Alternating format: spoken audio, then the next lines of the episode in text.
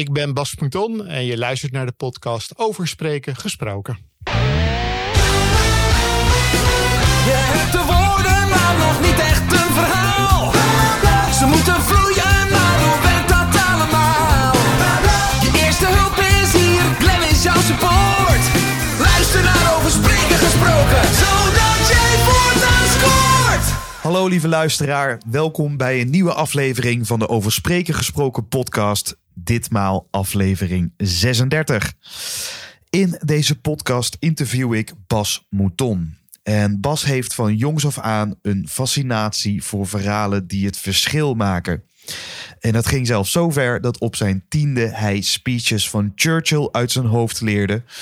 Daarna is Mouton afgestudeerd in rechten, economie en politicologie. En hij is oprichter van Speech Republic. En treedt daar politici, high potentials, CEO's en topmanagers, waaronder onze eigen minister-president Mark Rutte in het verleden.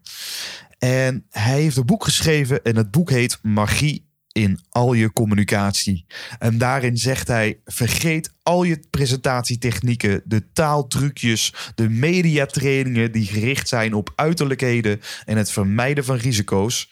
In magie in communicatie ehm, gaat hij mensen helpen om een verhaal te maken dat klopt, inspireert en tot actie aanzet. Ehm, dus het gaat erom dat je jezelf durft te laten zien echt iets durft te vertellen en daarin anderen mee durft te nemen. Nou, dat resoneert natuurlijk ook bij mij en dat vond ik genoeg reden voor een mooi interview. En het interview is een maand geleden opgenomen uh, in de tweede week van maart. En dit was het begin van de coronacrisis. Dus ja, we hebben het ook kort over um, wat voor indruk dat op ons maakt. Ik, uh, ik wens jou hoop, een hoop gezondheid uh, toe en ontspanning om op een duurzame manier deze crisis uit te komen. En ik hoop ook dat dit interview daaraan bijdraagt. Dus ik wens je heel veel luisterplezier met het interview met Bas Mouton. Bas, welkom in de podcast. Dank je, Glenn. Wat leuk om hier te zijn in Amsterdam op jouw zolder. Ja. Um, ja, eigenlijk de zolder van mijn vriendin. Eigenlijk de zolder van je, van je vriendin. Dus ja. bedankt alvast aan jouw vriendin dat we dit uh, mogen lenen. Zeker. En ja, misschien is het toch wel fijn om het kort te benoemen dat we op dit moment in een vrij bijzondere tijd leven. Uh, we, zitten nu in de eerste week dat het coronavirus dermate is toegenomen dat we eigenlijk met z'n allen thuis zitten op dit moment. En dat maakt ook dat we vandaag uh, bij jou thuis zijn en niet bij jou op kantoor. Misschien toch voordat we erin het en duiken, hoe, beleef jij uh, deze tijdsgeest op dit moment? Ja, ik, voor mij voelt het op dit moment nog heel onwerkelijk. Ja. Dus, um, nou ja, dat geldt voor iedereen natuurlijk ook, maar sowieso nooit eerder meegemaakt. En uh, nou ja, ik, ik, zie opeens mijn agenda leeg raken. Nou, dat is ook een ongebruikelijke ervaring. De kinderen waren uh, vandaag voor de tweede dag thuis. Um, ja, het is allemaal wel echt nieuw. Ik merk wel dat ik zoekend ben. Hey, wat ja. betekent dit nou en uh, waar gaat het heen? Dus, dus ik zit nog niet in de fase dat ik al, al vol focus heb op iets nieuws. Nee. Of hoe gaan we hier doorheen komen? Nee. Herkenbaar dat we, dat we zo'n soort vacuüm schieten haast. Hè? Ja. Soort geen idee of dit uh, weken of maanden, misschien wel jaren gaat duren. Of dit het nieuwe normaal wordt. Ja. Is ja, dat lijkt me niet hoor. Dat lijkt je niet. Zelfs de Spaanse griep uh, was na twee jaar was het afgelopen. Ja. Dus, uh, ja. dus, dus dit, dit, dit, dit is gewoon abnormaal. Ja. En dat mogen we dus ook als abnormaal aanschouwen. Nou ja, ik ben natuurlijk geen viroloog, maar nee. ik, uh, het lijkt me wel. Hey, en vind jij dat dan, want jij ziet ook het nieuws. Uh, je ziet ook verschillende speeches van verschillende uh, landleiders. andere mensen die, die er verstand van hebben. Kijk jij dan ook meteen met een kritisch oog van... Ah, hij zegt dit op die manier, dat is gewoon net niet handig. Nee, zo kijk ik echt helemaal niet. Nee? Um, en uh, sterker nog, het ergert me. Professionals die heel erg op die manier kijken. Mm -hmm. Want uh, het is eigenlijk de kunst. Wil je een goede professional zijn om te kunnen luisteren zoals alle anderen. En die zijn helemaal niet zo bezig. Die, iedereen denkt gewoon, hey, verveel ik me niet al te zeer? En klopt het een beetje wat die persoon zegt? Heb ik er vertrouwen in? Ja. En dat is het enige wat relevant is. Als je gaat kijken als een expert, of als je gaat luisteren als een expert, dan ga je allemaal dingen horen die helemaal niet relevant zijn. Hmm. Zo van, kijkt hij niet te streng of lacht hij niet te veel? Ehm, dus, ehm, dus eigenlijk ergert me het om te gaan analyseren als een expert. Ja, Want ik denk, eh, ja, daar gaat het helemaal niet om. De vraag is, wat is nou eigenlijk de impact hiervan? ja.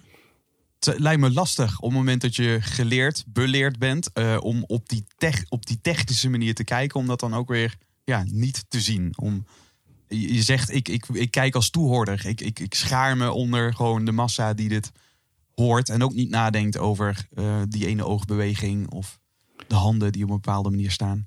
Nee, nee, in tegendeel. Kijk, eh, ik ben blij, ik heb nooit communicatiewetenschappen gestudeerd of zo. Ehm, dus juist die amateurblik houden, dat is wat me waardevol maakt als trainer op dit gebied. Ja. En, eh, en het gaat helemaal niet om die ene armbeweging. Het gaat helemaal niet om dat ooggebaar. Dat is het laatste waar het om gaat. Waar het om gaat is, hey, voelt iemand zich een beetje op zijn gemak? Weet hij wat hij wil? Is zijn verhaal op orde? Ja. Dat zijn de dingen waar het om gaat. Ja. Dus ik heb nooit, eh, ik heb zelf heel veel van die trainingen gevolgd. Die heel erg op die, eh, want ik wilde ooit de politiek in. Dat was ooit mijn ambitie. En toen heb ik heel veel van dat soort trainingen gevolgd. En hoe meer ik er deed, hoe slechter ik er eigenlijk van werd. Hmm.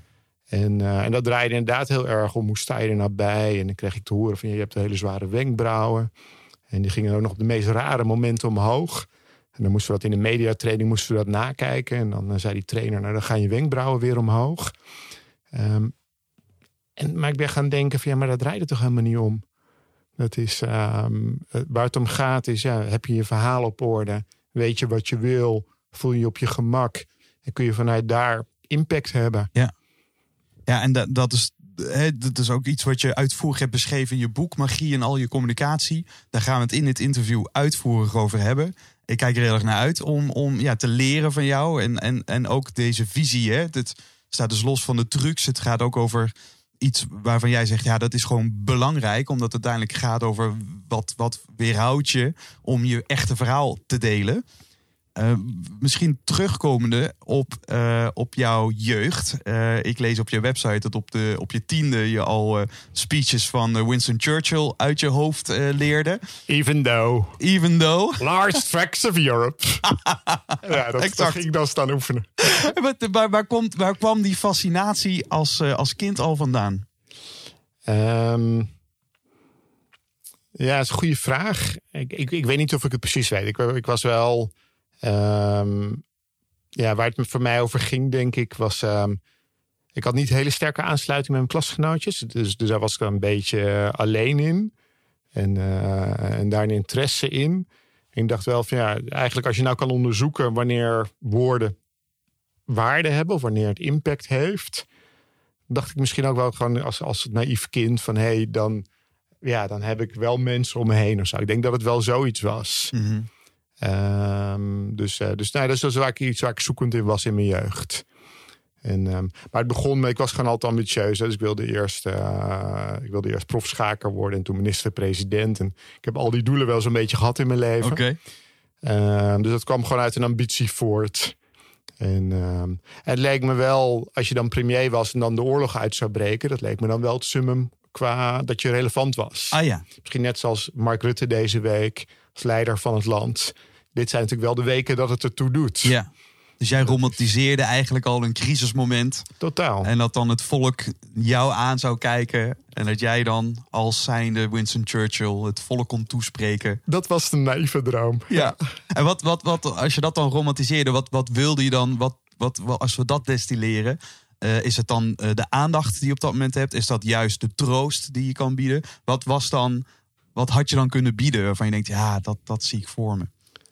Maar ik weet niet zeker of ik het had kunnen bieden. Hè? Dat is dan nog een Ja, andere vraag. maar in ons dromen In kan dat, hè? In, de, Ja. in de droom wel, ja. Ehm, nou, wat mij fascineert is dat soms eh, dan vertel je iets en dan voel je de energie veranderen. En dat had ik wel eens ervaren, gewoon in het dagelijks leven. Mhm. Eh, gewoon met vriendjes of zo. Dat je, dat je denkt, hé, hey, maar nu is het bijzonder. Nu doet het ertoe. Ik denk dat je dat ook wel kent van een podcast of zo. Als het heel lekker loopt. Dat je denkt van, hé, hey, wat leuk is dit. En dan gaat het helemaal vanzelf. Ja. En, ehm, en dat moment, dat vond ik wel de droom. En dan is een speech wel de ultieme test daarvan. Ja, zeker als er live publiek is. Hè. Dat nu met eh, deze weken met corona is dat wat lastiger.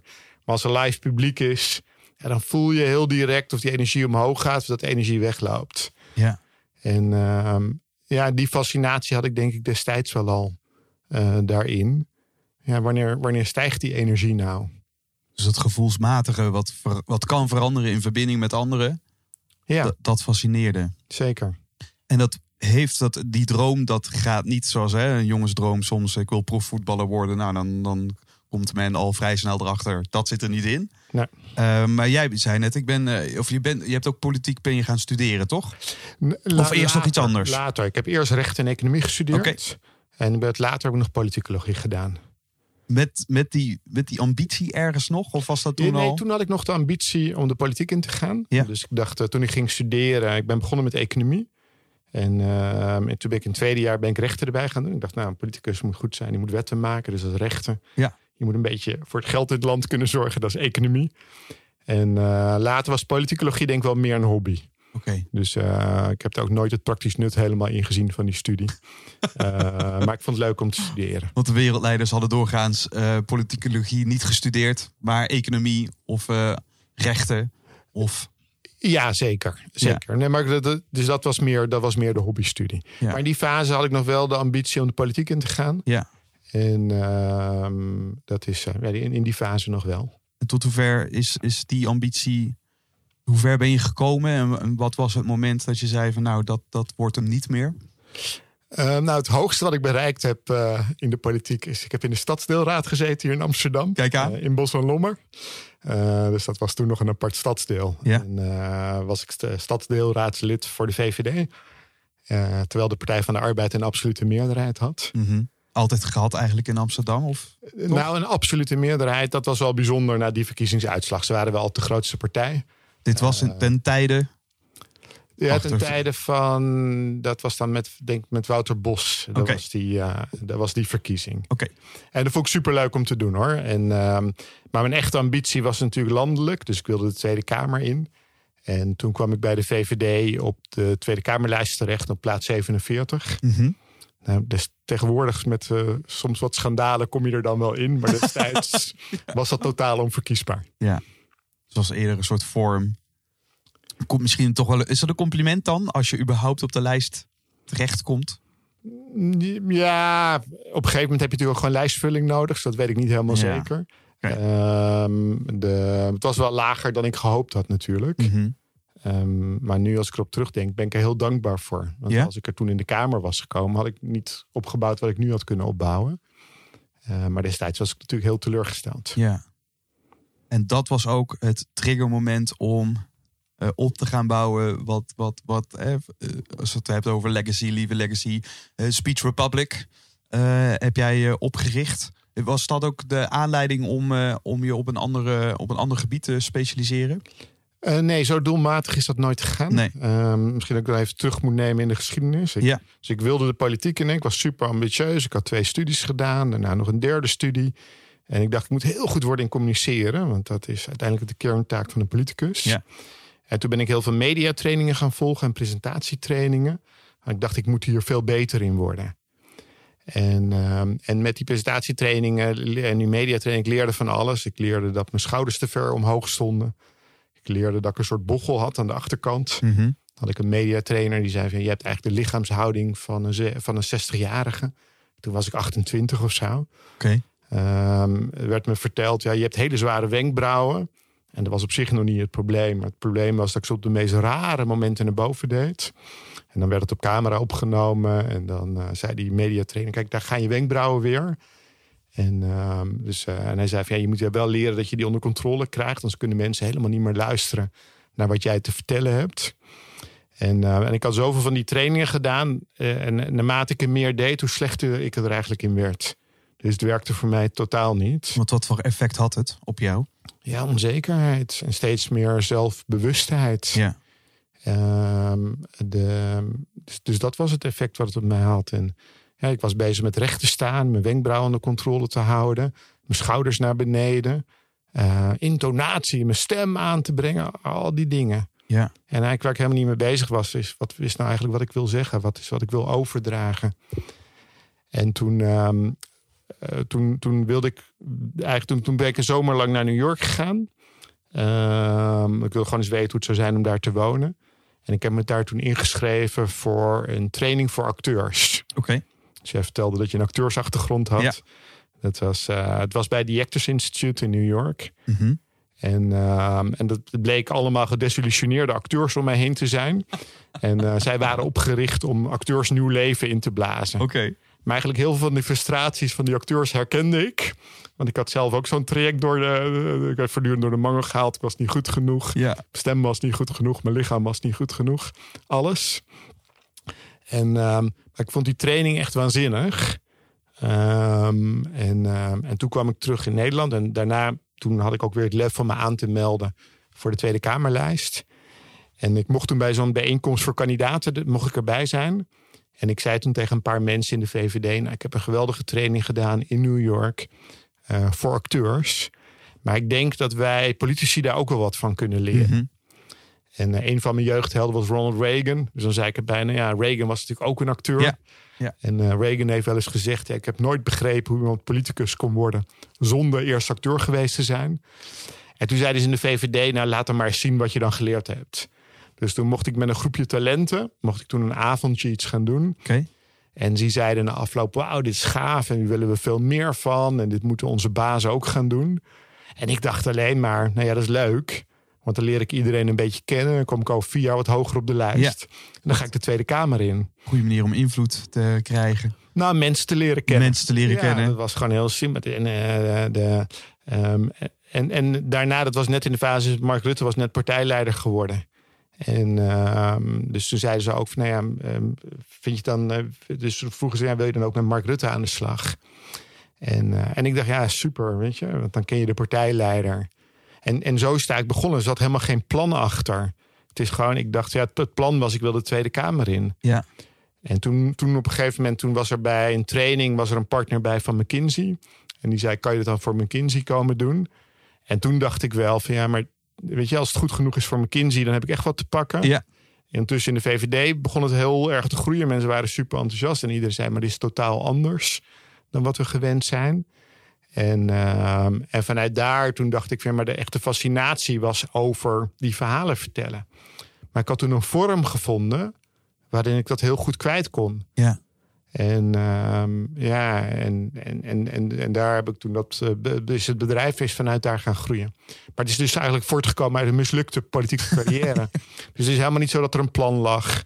Het is gewoon. ehm, Als vaak de mooiste dingen eigenlijk ontstaan uit ja, dat iets mislukt. Eh, dat, dat... bij mij wel. Ja, bij mij wel. Ja. Hey, ik, ik zo, ik, ik, voel, ik voel enorme aantrekkingskracht om mij en de luisteraar mee te nemen naar die avond. Jij kwam terug uit eh, New York. Jij dacht, oké, dit, is, dit is helemaal gaaf. Ik kan natuurlijk vragen, wat, wat was er tof aan, aan wat je deed in New York? Maar nou ja, dat heb je al gedestilleerd en, en dat ben je al gaan overdragen op zo'n eerste groepje talenten. ja. Eh, dus, dus neem ons mee. Wat, hoe, hoe, hoe zag die avond eruit? Wat heb jij gebruikt en geleend eh, uit, van de acteurs uit New York? Ja, het- het- het- eigenlijk wat ik op die avond heb gedaan, heb ik maar één ding gedaan. Eh, en, en dat ging over contact maken met het publiek. En dat was eigenlijk de focus verleggen van wat sta jij nou te doen, naar gefocust zijn op hoe je aankomt met de ander. Mhm. En dan hebben we een oefening met een bal. En dan na elke zin laat je de bal letterlijk landen bij de ander. Eh, en nou ja, bij heel veel mensen verandert er dan iets groots. Want dan opeens is je focus weg bij jezelf, maar ligt helemaal bij de ander. Heeft de ander mij begrepen? Ja. Dus, dus dat is eigenlijk het voorproefje wat we die avond gedaan hebben. En die bal, is dat, is dat letterlijk een bal? Of is ja, het een tennisbal. een tennisbal? Ja. Dus ik zeg iets. Daarna dan, gooi ik die bal naar jou toe. Ja. En wat gebeurt er dan? Nou, kijk, wat het, het symbool is, je wil elke zin aan de ander geven. Ja. En die bal is daar het symbool voor. Ja. En de realisatie dat er landingstijd nodig is Ja. voor die boodschap. Ja. En ook dat pas als de andere persoon terug klaar is met die boodschap, dan geeft hij de bal weer terug en dan kan je de volgende zin geven. Ja. Maar de realisatie dat spreken niet iets is wat in je eigen hoofd gebeurt, maar dat iets is wat moet landen bij de ander.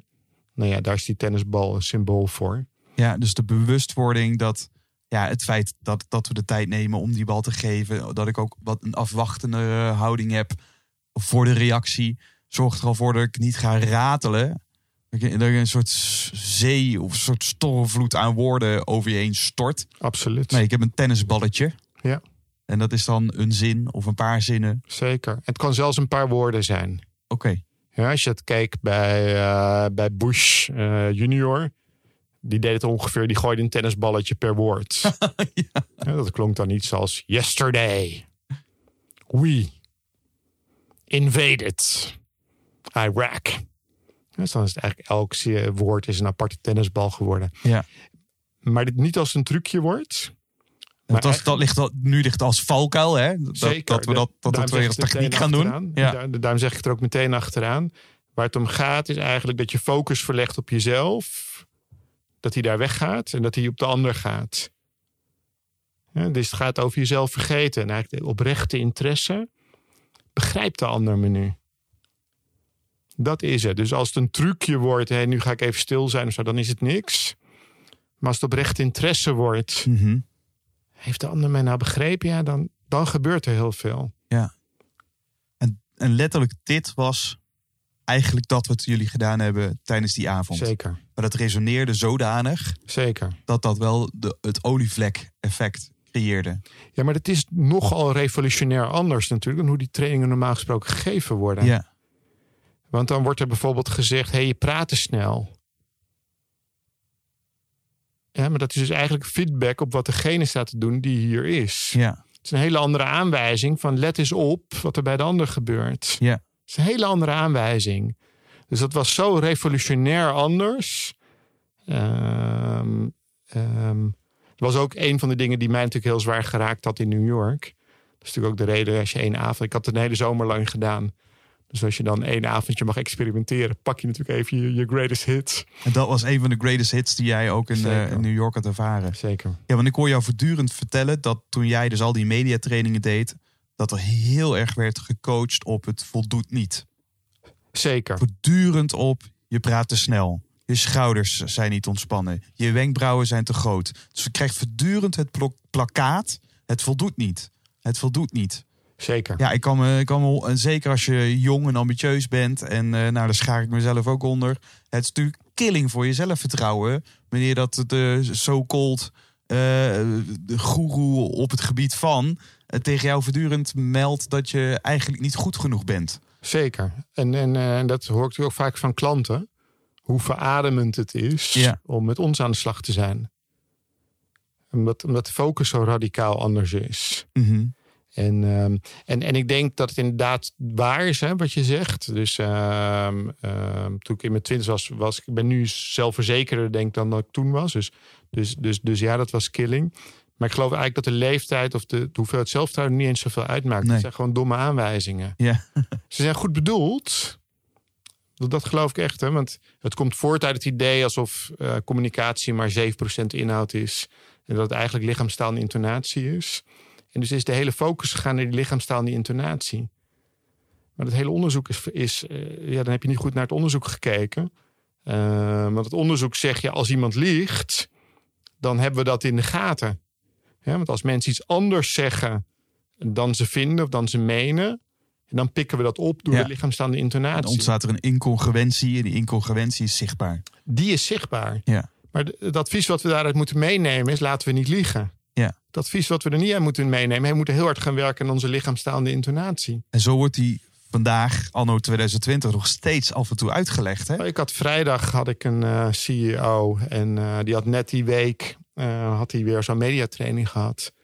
Hij was er doodongelukkig van geworden. Maar zo, precies, zo wordt hij nog steeds uitgelegd. En, en dat, is, dat is echt schadelijk. Het is, eh, we worden er niet beter van als communicatoren. Eh, het helpt niemand. Maar het is nog steeds de dominante gedachte. Mhm. Wat zijn nog andere mythes waarvan jij zegt, ja, daar moeten we eigenlijk gewoon vanaf? Ehm, ja, ehm, dit is een hele grote. hè. Dus, dus dit, dit is voor mij echt een hele grote. Dat het allemaal gaat om lichaamstaal en intonatie. Nee, de truc is juist dat te vergeten. En er maar op te vertrouwen dat het goed genoeg is. Mhm. En dus dat is voor mij wel een hele grote. Ik denk een andere die voor mij ook wel heel groot is, is dat er verschillende redenen zijn om een verhaal te houden.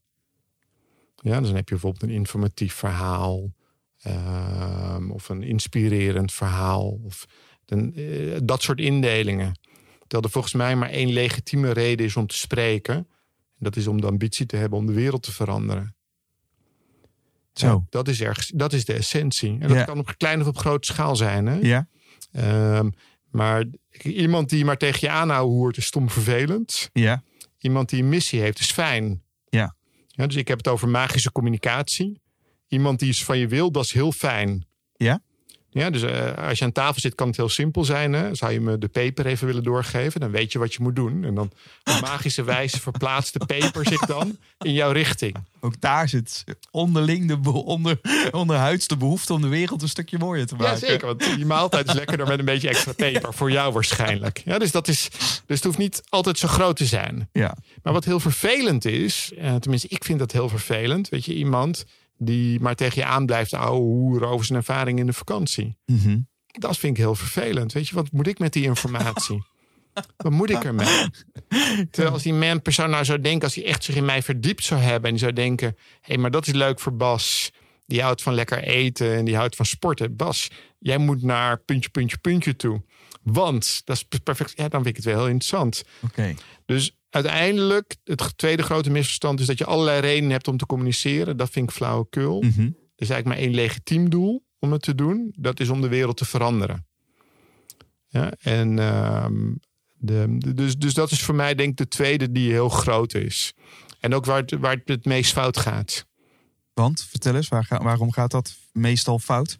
Nou, omdat dan wordt iemand eh, uitgenodigd op een congres om te spreken over een onderwerp. Hè. Ik, ik noem maar wat. eh, het coronavirus. Mhm.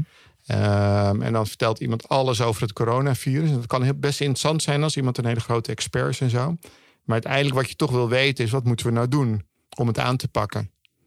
En dat is de, ehm, dus wat kunnen wij doen om bij te dragen daaraan? Als iets is wat we allemaal al weten, ja, dan is het een soort van irrelevant verhaal. Ja. Ehm, als het iets is wat we. Dus, dus uiteindelijk willen we daar iets in nieuws in horen. Hoe kunnen wij bijdragen? Dat maakt het relevant. Ja.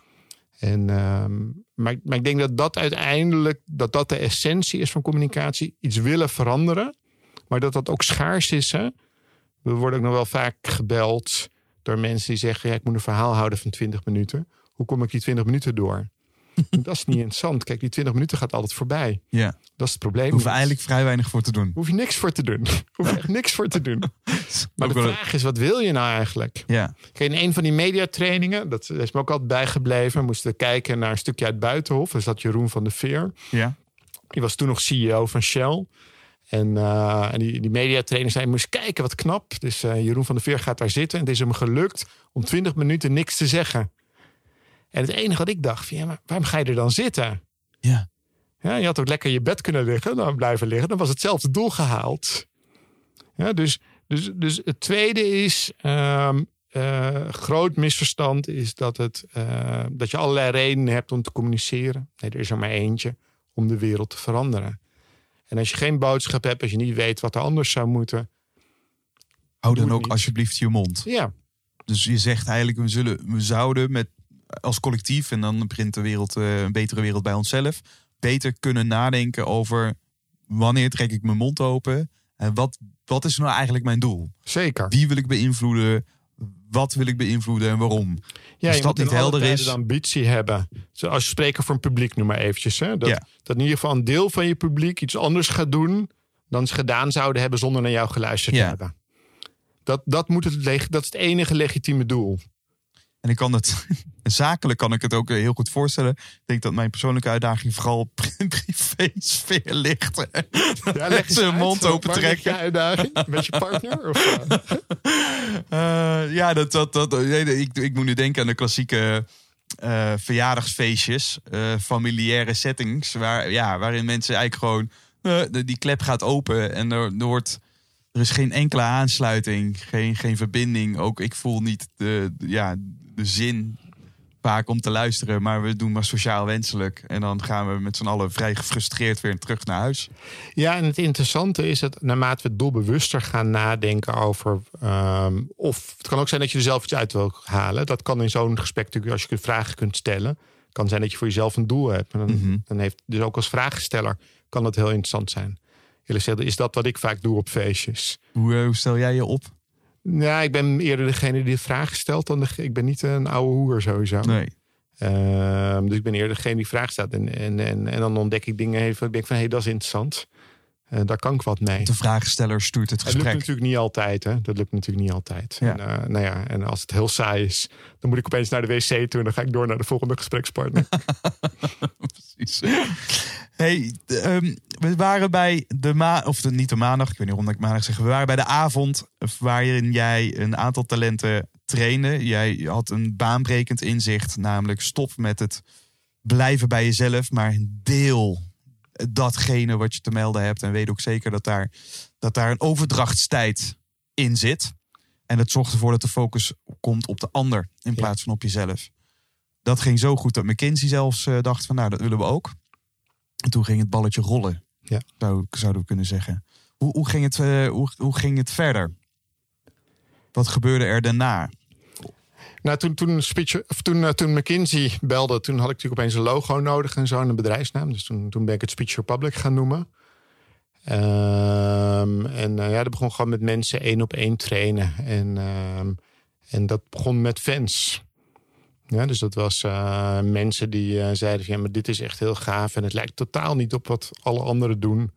En dit moet je ook gaan doen. Ja. Hadden we nog de mazzel dat Mark Rutte premier werd. En ehm, eh, die promoot ons heel actief. Nou ja, dat helpt natuurlijk wel als de premier dan zegt... eh hey, dit moet je ook doen. Dus, dus, dus er kwamen steeds meer, de, meer klanten op me af. En toen ben ik die eerste trainer gaan aannemen.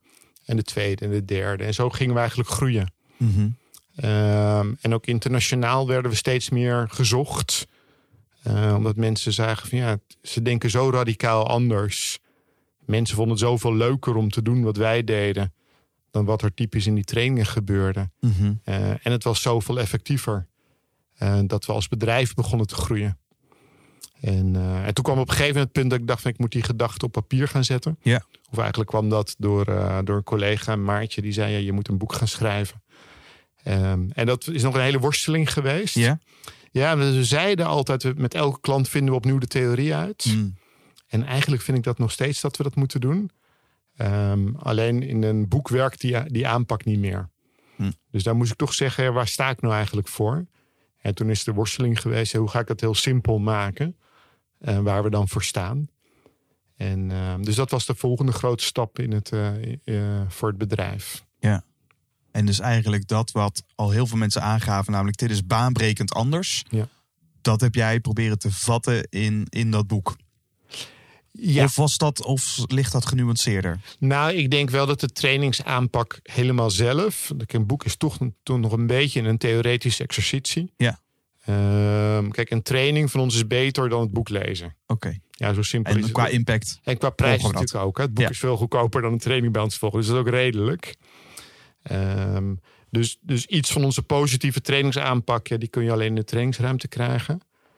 Ehm, En als we dat dan concreet maken, dus die fans, die, die eigenlijk eh, de beste reclame ooit, mond-op-mond reclame, dat, ze, dat je wordt aanbevolen bij anderen. Wat was dat dan? Dus, dus als, als, want dat, daar heb je over nagedacht, dat, dat weet je waarschijnlijk van jezelf. Wat was jouw eh, unique magische flavor? Nou ja, dat vind ik heel lastig. En dat vonden onze klanten ook heel lastig. Dan, dingen die ze dan tegen elkaar zeiden was van... eh, ja, dan zeiden ze tegen iemand anders... Ja, het is heel bijzonder, maar ik kan niet uitleggen wat het is. Want ook als ik jou vertel over zo'n tennisballetje... dan klinkt dat heel plat. En dat kan het soms ook zijn hoor. Niet bij elke klant heeft dat meteen een grote openbaring. Ehm, maar dan hebben we nog duizend manieren om hetzelfde te onderzoeken. Ja.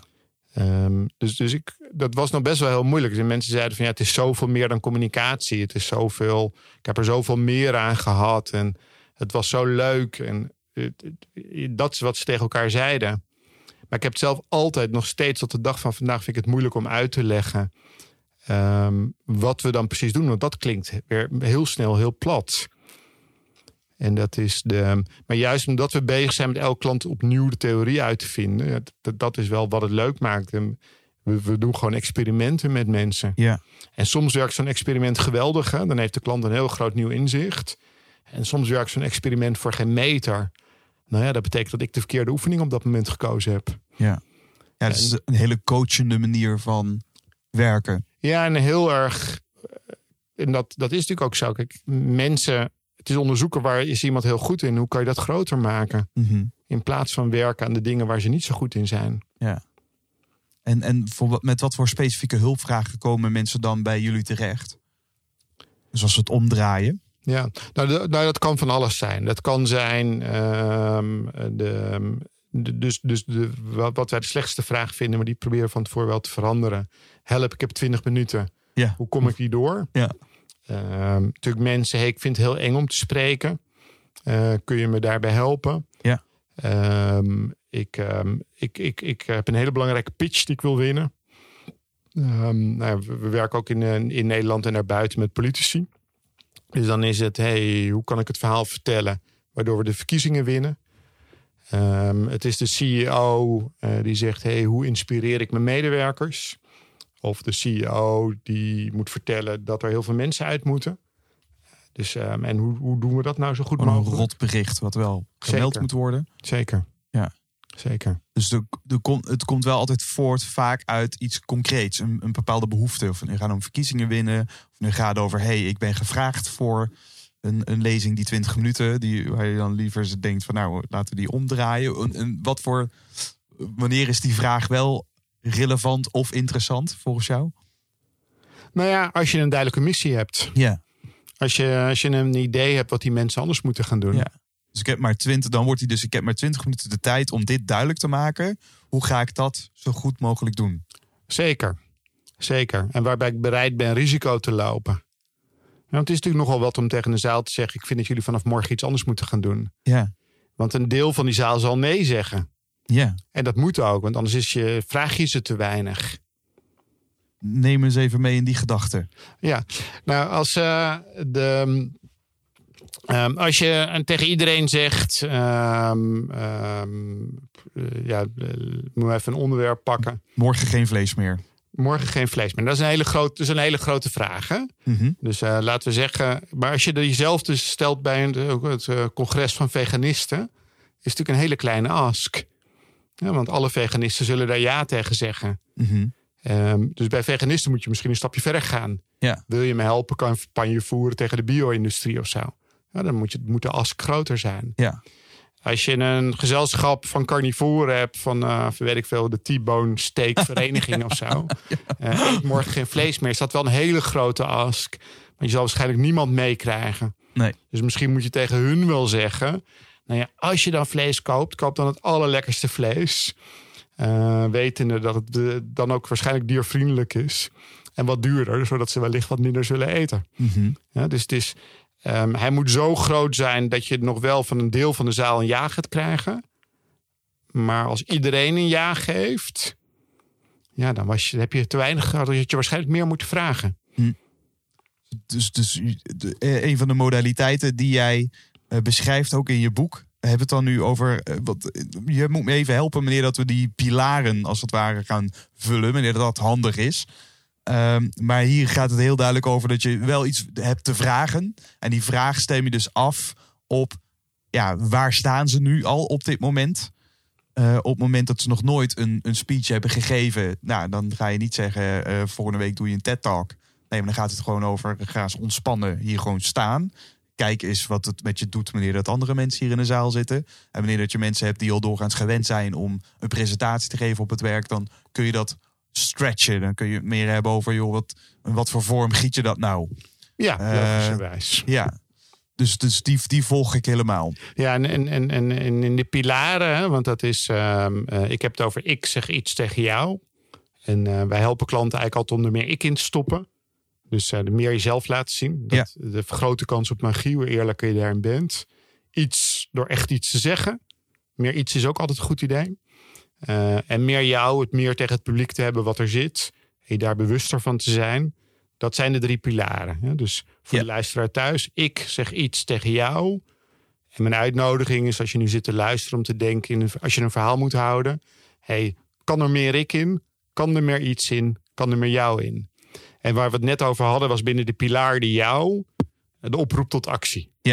En eh, ik heb negen magiewetten erin eh, in, het, in het boek staan. Mhm. Eh, drie onder elke pilaren. Dus Mhm. drie onder ik, drie onder iets, drie onder jou.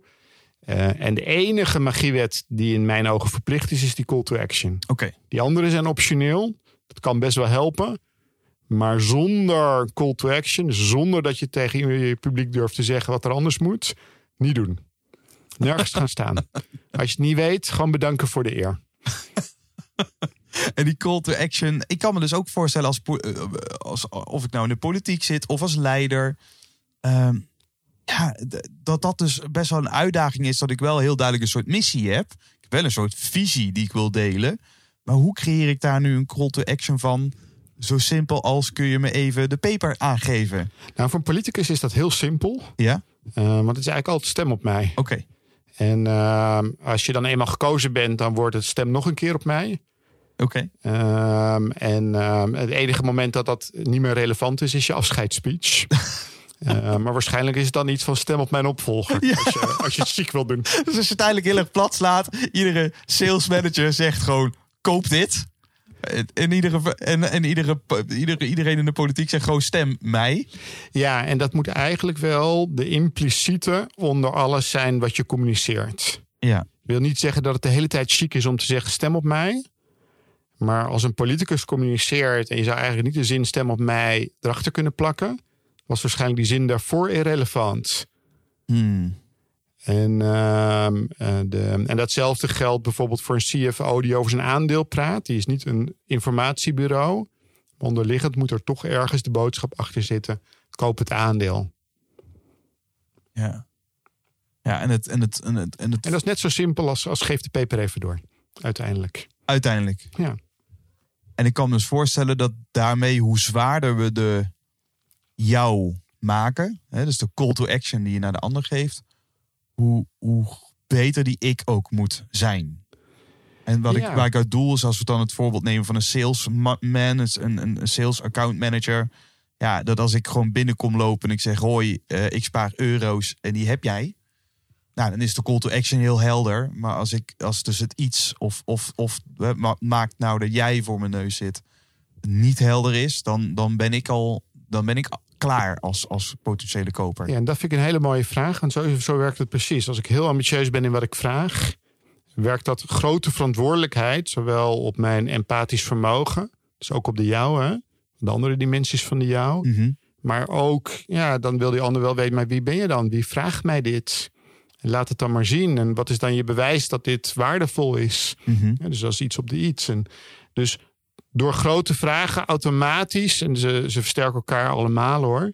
Maar als één dimensie omhoog gaat, roept het automatisch. eh, roept dat een soort eis op om ook op de ik, die iets en die jou te versterken. Ja. Dat is het mooie ervan. Dus ik vind het een hele mooie vraag. Dus we hebben drie bollen die we kunnen vullen. Meer ik, meer iets, meer jou. Waar, waar, zullen, we mee, waar zullen we mee beginnen? Jij mag kiezen. Oh, ik mag kiezen. Nou, we hadden het al over meer jou. En het gaat dus over... eh, we hebben het ook al gehad over de... Is dat dan de belofte? Ja, Eigenlijk? dat kan. De, ja, dat kan. Wat heb ik eraan als ik dat doe? Ja. Ja, dus voor een eh, politicus heel simpel. Als je zegt stem op mij, is toch ook een van de dingen die je dan oproept bij de ander. Nou ja, wat, wat, wat heb ik eraan? Ja. What's in it for me? Moet dat voor die ander altijd helder zijn wat de call to action is? Ehm, ja, als het heel onduidelijk is, dan gebeurt er niks. Kijk, als, als je, ik kan natuurlijk aan tafel zeggen, het eten is een beetje flauw. Mhm. Dat wil niet zeggen dat het voor mij al duidelijk is dat jij de peper wil. Nee, inderdaad. Ja, dus, dus ja, als de ander het niet begrepen hebt, dan verplaatst er geen peper. Dus is het Ja. niet magisch. Ja, we kunnen het waarde in huis hebben, een opgeruimd huis. Als je posters opplakt op de muur, dan gaan de kinderen niet vanzelf de vaatwasser inruimen. Die van mij niet. Nee. nee, dus als je iets gedaan wilt hebben, dan moet je dus ook duidelijk zijn over wat je dan precies wilt van de ander. Ja, je moet dat durven vragen. En wat maakt het zo lastig dat we het zo lastig vinden om dat te durven vragen? Omdat ze nee kunnen zeggen. Hmm. Dus met de perceptie dat men nee zegt, en je zegt soms, hè, eigenlijk moet dat, en als je een zaal toespreekt, is het niet meer dan normaal dat een aantal mensen nee zeggen. Ja, als, als ze het niet doen, dan heb je te weinig gevraagd. Maar het betekent dat een deel van de mensen gaat nee zeggen. Je had ehm, eh, Robbie Williams toen hij aan zijn eh, eh, solo-carrière begon. Toen wilde hij eerst het nummer uitbrengen Let Me Entertain You. Dat was eigenlijk eerst het plan. Mhm. Maar dat durfde hij toen toch niet aan. Hij was bang dat het antwoord nee zou zijn. Dus toen heeft hij eerst Angels uitgebracht. En daarna kwam pas Let Me Entertain You. Mhm. Ehm, maar het is super eng. Het is hetzelfde. Nee, ik was ben nog steeds niet zo'n held met meisjes. eh, vroeger ook niet. Maar een meisje mee uitvragen is doodeng. Ja. En waarom? Niet omdat het moeilijk is om te vragen: wil je mij uit? Iedereen kan die woorden wel uitspreken. Je bent gewoon als dood dat ze nee zegt. Ja. Dat is hetzelfde voor een spreker of voor een politicus. Kijk, als je het nooit echt gevraagd hebt, kun je zeggen: ja, ik heb het niet gevraagd. Dus, dus het is ergens, het vragen is doodeng. Maar de enige manier om die date te krijgen, of de enige manier om die verkiezingen te winnen, is het te vragen. te doen. Dus dit is haast paradoxaal. Hè? De pijn van de afwijzing, de potentiële afwijzing, wordt doorgaans erger ervaren dan met lege handen achterblijven.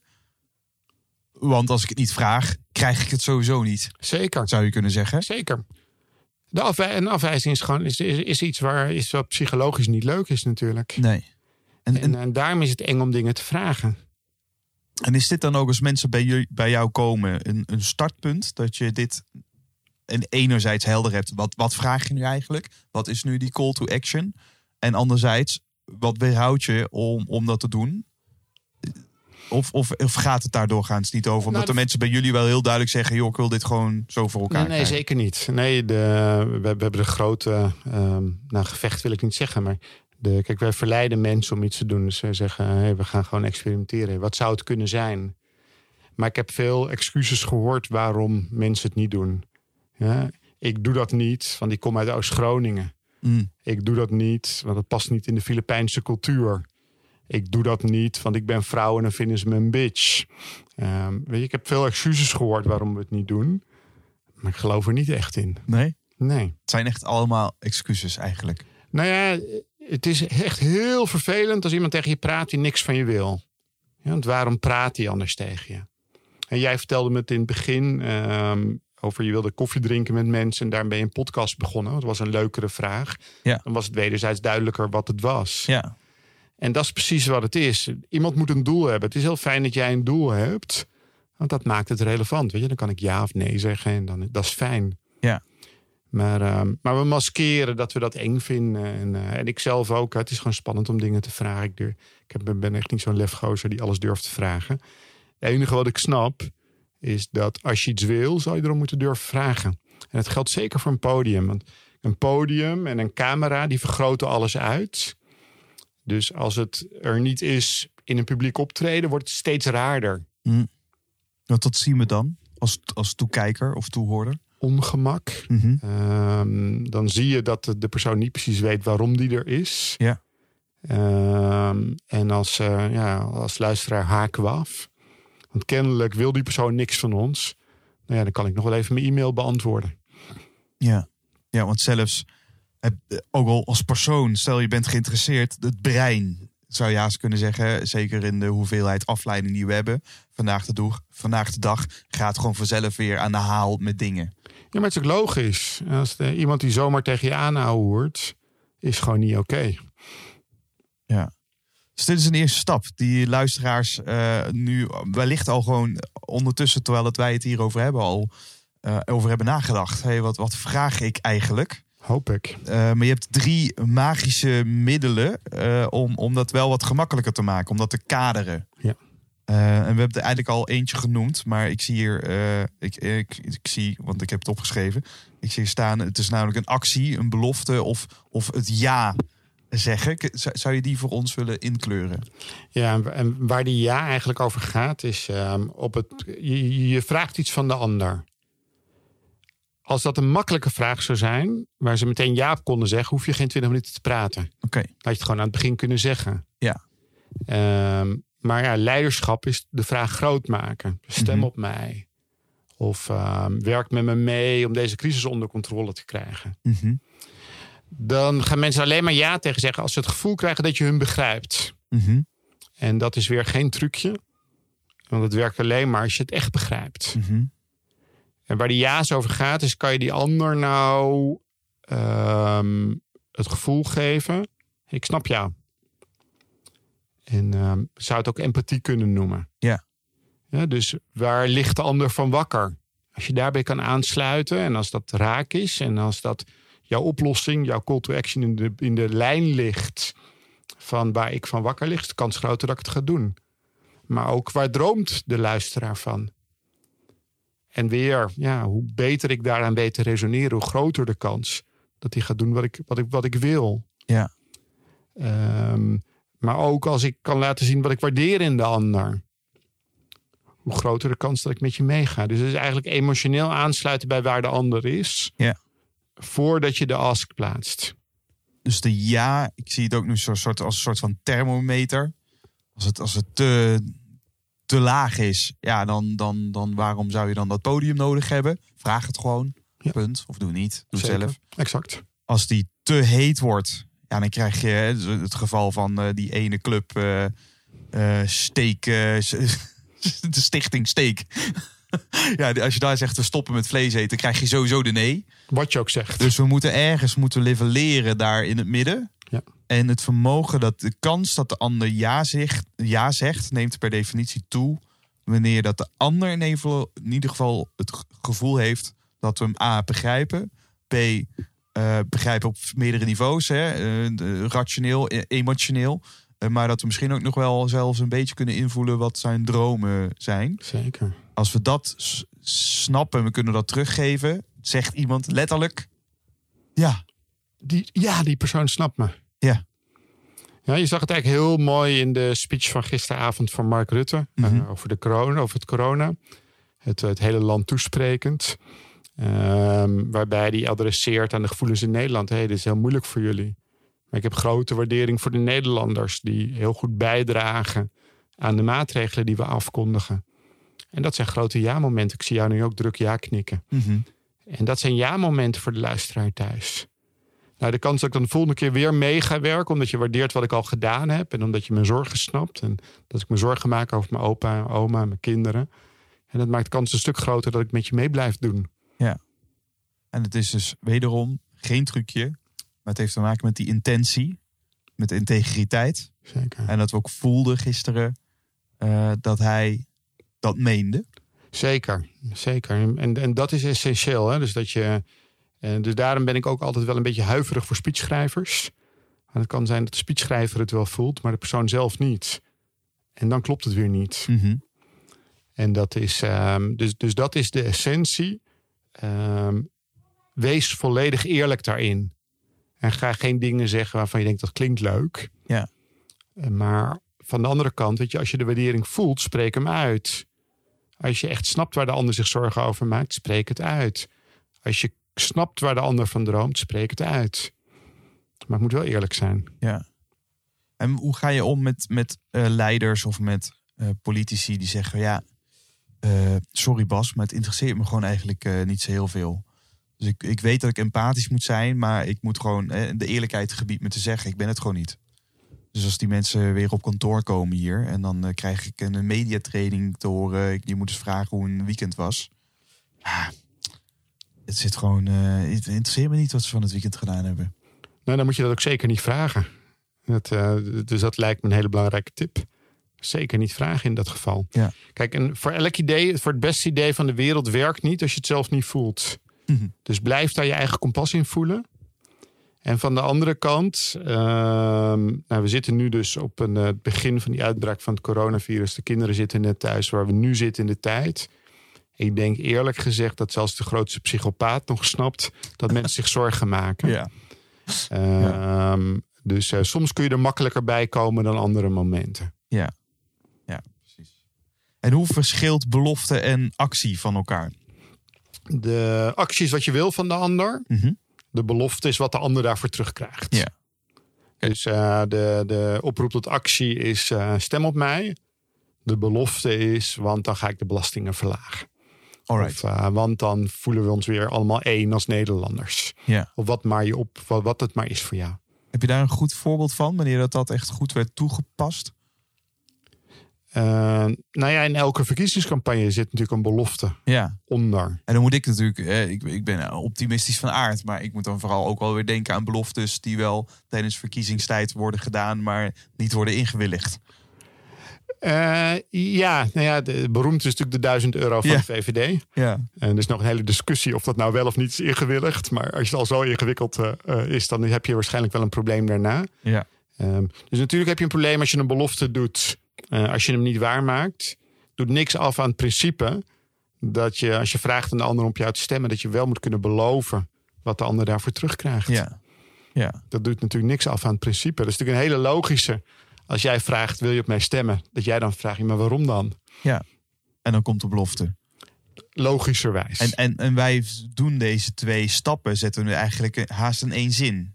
Het, het, voelt heel, heel dicht bij elkaar liggen. Is ook zo. Ja, Oké. Oh, dat is ook zo. Dat geldt eigenlijk wel. Er staan totaal zijn er negen magiewetten. Soms kan er in één zinnetje kunnen er wel drie of vier zitten. Kijk aan, ja. Ja, dus het is niet eh, de. ehm, ja, dus, dus, dus dat kan allemaal.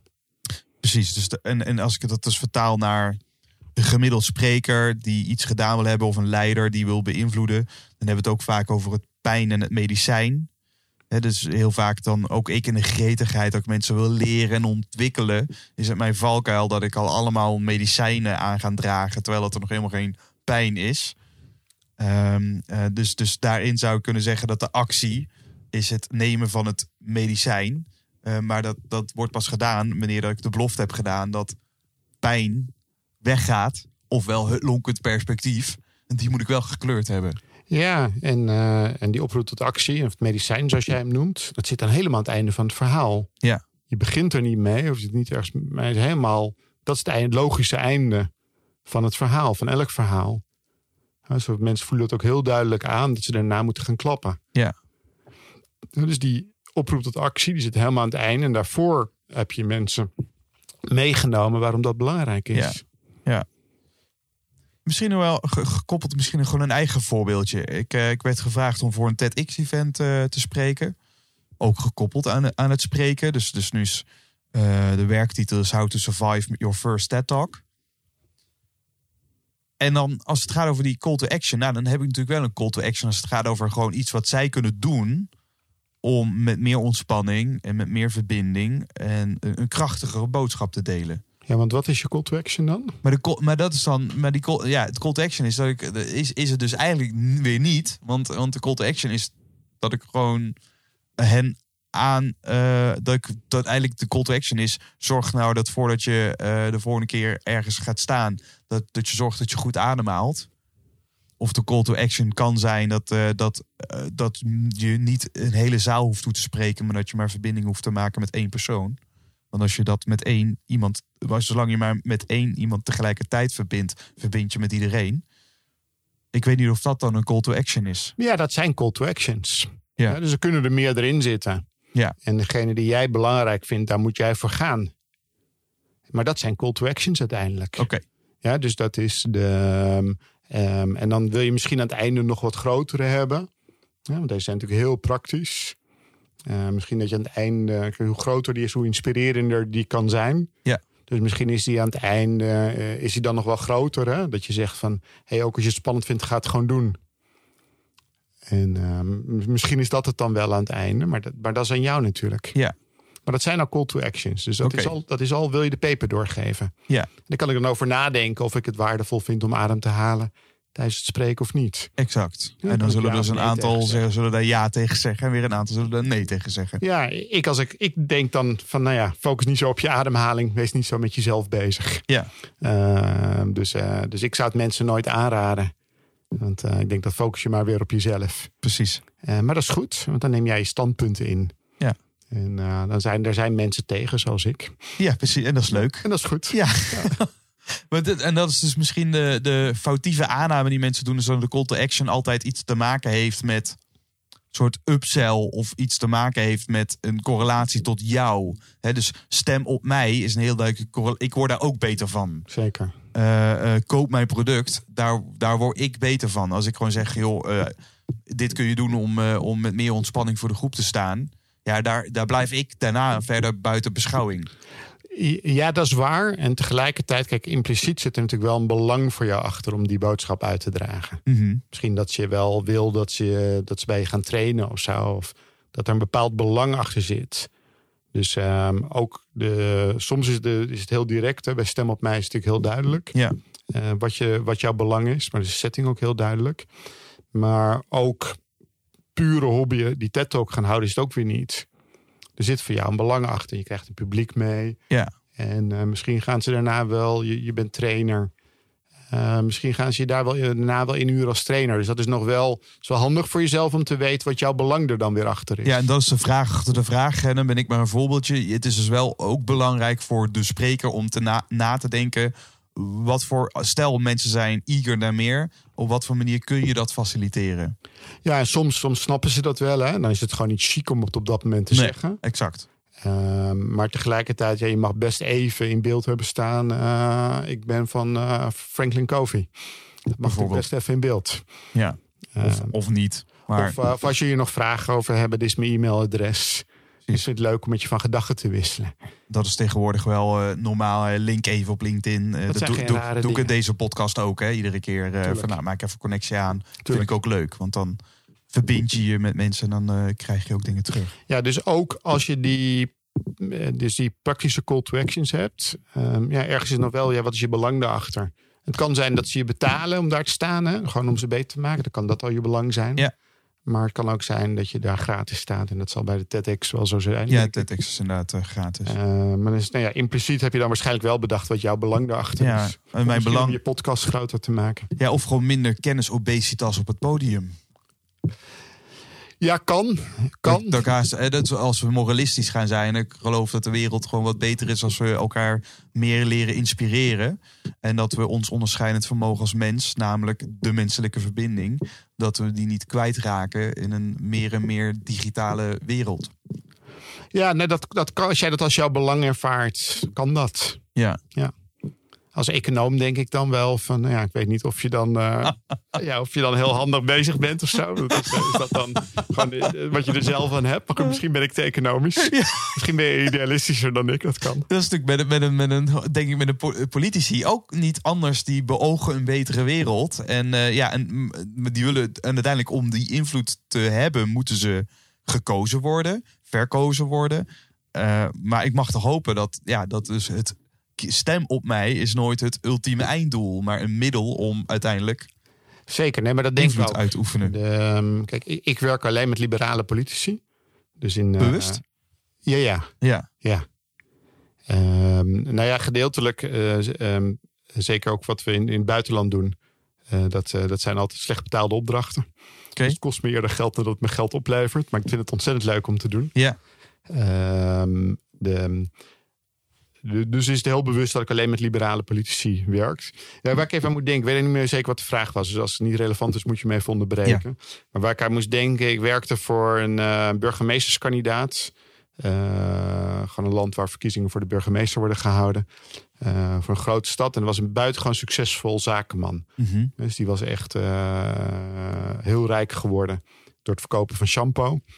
Ehm, en eh nou, met niks begonnen, eh, groot bedrijf uitgebouwd. Was nu burgemeesterskandidaat voor een grote stad. oké. Was ook wel een beetje ADHD. Dat vloeg alle kanten op. Hij had allerlei overal meningen over. Eh, maar zijn grote ding was, was eigenlijk dit. Op het moment dat hij overal aan kon verbinden, vote for me. Dan kwam opeens die ververkoper in hem naar boven. Hmm. Hij wist heel goed hoe die shampoo moest verkopen. Dus toen hij ontdekte dat eigenlijk de politiek hetzelfde was. Alleen, ja, dus dat het nu was stemmen. Ehm, dat was de grote revolutie. Nou, kreeg je focus in elk antwoord. Hm. Terwijl daarvoor vloog het alle kanten op. En, eh, dus dat kan echt heel groot zijn. Dus iemand die zomaar het intellectuele interesse politicus gaat lopen spelen, daar heb ik ook weinig waardering voor. Hm. Dan denk ik van, jezus, wat een tijdsverspilling. Ja, dus los van, dus ik kan me voorstellen, je hebt natuurlijk je eigen politieke voorkeur eh, met daarmee je waardes. En dat- dat mag ook. Maar ik kan me dus voorstellen dat daar dus de valkuil is van eh, een wat meer socialistische hoek. Is dat die call to action, eh, met wat voor overtuigingen daar ook eh, ten grondslag liggen, soms niet altijd even helder is. Het is soms misschien eerder moralistisch dan dat het. Maar ik denk, ik denk dat een, een goede socialist nog steeds heeft de boodschap stem op mij. Ja, Maar nou ja, dan heb je bijvoorbeeld Bernie Sanders. Eh, dan is het stem op mij, want dan eh, ga ik sociale zekerheid à la Europa invoeren. ja. Dat is dan de belofte. Ja. Dus de belofte is anders, maar de call to action is Dus toch de trekking hetzelfde. is nog dan nog steeds Ja, hetzelfde. de call to action is hetzelfde, de belofte is anders. Ja. ja. Helder. Eh, mooi. Meer jou hebben we belicht. Eh, en, en, en, en, en heel erg belangrijk dat we daar eh, ook wellicht de meeste tijd aan spenderen. Omdat ik kan me voorstellen dat dit toch nog ehm, vaak niet goed gaat bij spreken. Ja, niet goed, dat is dan weer zo streng. Oh ja, Maar want dan er valt, eh, er valt winst te halen voor iedereen. Ten alle tijden. Ja, mooi, mooi, mooi, mooie, mooie reframe. Ja. ja, er valt winst te behalen voor velen. Nou, e- e- ik denk. De, de, de- ja, eigenlijk denk ik altijd. eh, Dus bij mezelf in kluis en bij de grootste sprekers, bij iedereen. Dat is ook een van de dingen die ik in mijn boek probeer. Een speech van Obama die ik geweldig vind. Hoe zou je daar nou nog meer, ik meer iets meer jou in kunnen stoppen? En eh, het zou natuurlijk alleen werken als het hem zou aanspreken. Mhm. Maar dat is het onderzoek wat ik interessant vind. Ja. En, eh, en dat is op het moment dat je, ehm, je verhaal groter is, groei je zelf als persoon en groeit je impact. En, eh, maar het kan altijd meer en dat onderzoek is gewoon super interessant. Ja. Maar we moeten niet zo streng zijn, dus eh, de, de, de- naar elkaar toe. Dus eh, ik doe, ben er helemaal niet van het mensen uitlachen. of Het was verkeerd of slecht. Daar heb ik echt een enorme hekel aan. Ik denk ook dat we daar echt mee moeten stoppen. Ja, en gekoppeld aan de ervaring die je hebt gehad met de mediatrainingen, kan ik me dat ook heel goed voorstellen. Ja, zeker. Waar ik me kapot aan ergerde. Ja. Maar ook wel nog steeds hoor. Dus soms zijn bij klanten zijn er mensen van communicatie bij. En eh, dan merk je toch dat de, de dominante manier van mensen die in communicatie werken, is toch weer die trucjes. En, en die luisteren helemaal niet meer als gewone mensen. Dus dat oordelende is niet interessant. Kijk, we, we kunnen allemaal communiceren. Tenzij we een babytje zijn of eh, dat we een, een, een, sterker verstandelijke eh, beperking hebben. We kunnen allemaal communiceren. Maar we kunnen ook allemaal onderzoeken hoe we daar effectiever in kunnen worden. En daar zijn we nooit in uitgeleerd. Zie jij dan spreken als een ambacht? Communiceren als een ambacht? Nou, per definitie. Hè? Niemand toen die geboren werd kon het. Nee. En we hebben het allemaal moeten leren. En we, we hebben zelf allemaal regelmatig momenten dat we communiceren en dat we totaal niet begrepen worden. Ehm, en andersom. Ja. En we hebben ook allemaal momenten dat het soms geweldig is, dat communiceren. En de zoektocht naar wanneer is het geweldig en wanneer is het helemaal niks. Die gaat altijd door. En, eh, maar er hangt zoveel omheen. Hè. Het verklaart al onze successen. Het verklaart al onze mislukkingen. Dus er hangt zoveel omheen. Maar dat daar nieuwsgierig in blijven naar wat werkt voor mij. Op een oprechte manier waar ik me ook fijn bij voel. Ja, dat onderzoek stopt nooit. Nee. Hoop ik. Hoop ik ook niet. Ja, Dan ben ik klaar, zou ik kunnen Dat zeggen. als we ook. antwoord hebben. dat denk ik. Ja. Ja. En, dat, en dat kan me ook wel voorstellen. Ik weet niet, eh, of het kan me voorstellen. Laat ik de vraag stellen. Hoe, hoe interessant vind je nu de nieuwe ontwikkeling als het gaat om met algoritmes en met big data, waarbij we eigenlijk hè, dat die absolute waarheden ineens door allerlei statistieken ineens wel duidelijker worden. Dit zeg je wel, maar, eh, dit leidt af. eh, hier checkt iemand uit. Er zijn dadelijk zoveel metingen waardoor we op de punt en komma nauwkeurig eigenlijk kunnen zien wat daar het effect van is. Ja, en ik geloof dat dat waar is voor websites en zo. Dus eh, bij Booking.com of zo, die zijn natuurlijk heel goed bezig met wanneer heb je een hogere conversie en wanneer heb je een lagere conversie. Ja. Omdat het gewoon die muis-klikgedrag zo is. Ik denk alleen dat als we een spreker zien op tv of nog sterker live, dat we niet alles kunnen meten daarin. Want dan is Mhm. het toch een soort onderbuikgevoel. Hm. Vertrouw ik die persoon?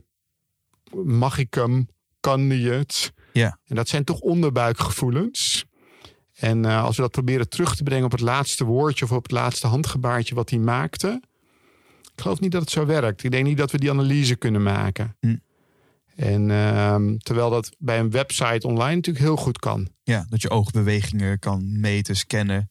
Ja, maar je kunt ook, dat zou je ook nog allemaal, bij een publiek kun je ook oogbewegingen, kun je ook allemaal meten. Maar de vraag is, wat is het nou precies in die kandidaat wat je aanspreekt? Het is toch een complexe. Ja. En, eh, en ik denk toch dat dat iets teruggaat op ons oergevoel. We hebben al om, als mensen om te overleven, in de oertijd moest je iemand heel snel kunnen inschatten. Nou ja, en dat doen we nog steeds. En dat, dat doen we in onze onderbuik. Ehm, of als je dat moderner wil zeggen, in het reptiele deel van ons brein. eh, nemen we die beslissing. Ja. En, ehm, maar dat zit hem uiteindelijk niet in dat handgebaartje, maar dat zit hem in dat iemand gewoon deugt. Ja, daar zit het hem in. Ja. Ik zeg iets tegen jou. We hebben de jou gevuld. Zullen we naar het iets gaan. Ja, graag. Meer iets. En daar heb je ook drie magische wetten voor. Vertel. Ja, eerst is bewijs. Ja. Het is wel heel fijn als je iets zegt als je er bewijs voor hebt. Oké. En, ehm, en natuurlijk hoe gerenommeerder het is, eh, hoe beter het is. Harvard heeft iets onderzocht. Mhm. Ehm, dus het kan een hele belangrijke bron zijn van magie. Mhm. Ehm, maar met name eigenlijk om als je het gevoel hebt, het is onzin wat hij vertelt. dan ga je niet meer luisteren naar al het andere. Mhm. Dus daar is het bewijs voor van belang. En in sommige situaties luisteren we meer naar bewijs dan in andere situaties. Maar Mhm. als iemand kan laten zien, hey, ik heb er verstand van. Het is weer iets wat Mark Rutte natuurlijk gisteren heel mooi deed met het beroep op de deskundigen. Ja. We moeten naar de deskundigen luisteren. Ja. Ehm, dus en eh, nou ja, dan is het RIVM is dat toch de grootste bron van gezag in Nederland. Ja. Eh, wat we moeten doen. En, eh, en ik hoop dat toch voor de meeste Nederlanders wat het RIVM zegt gezaghebbender is dan wat Thierry Baudet of zo zegt. Dat hoop ik. Dat hoop ik ook.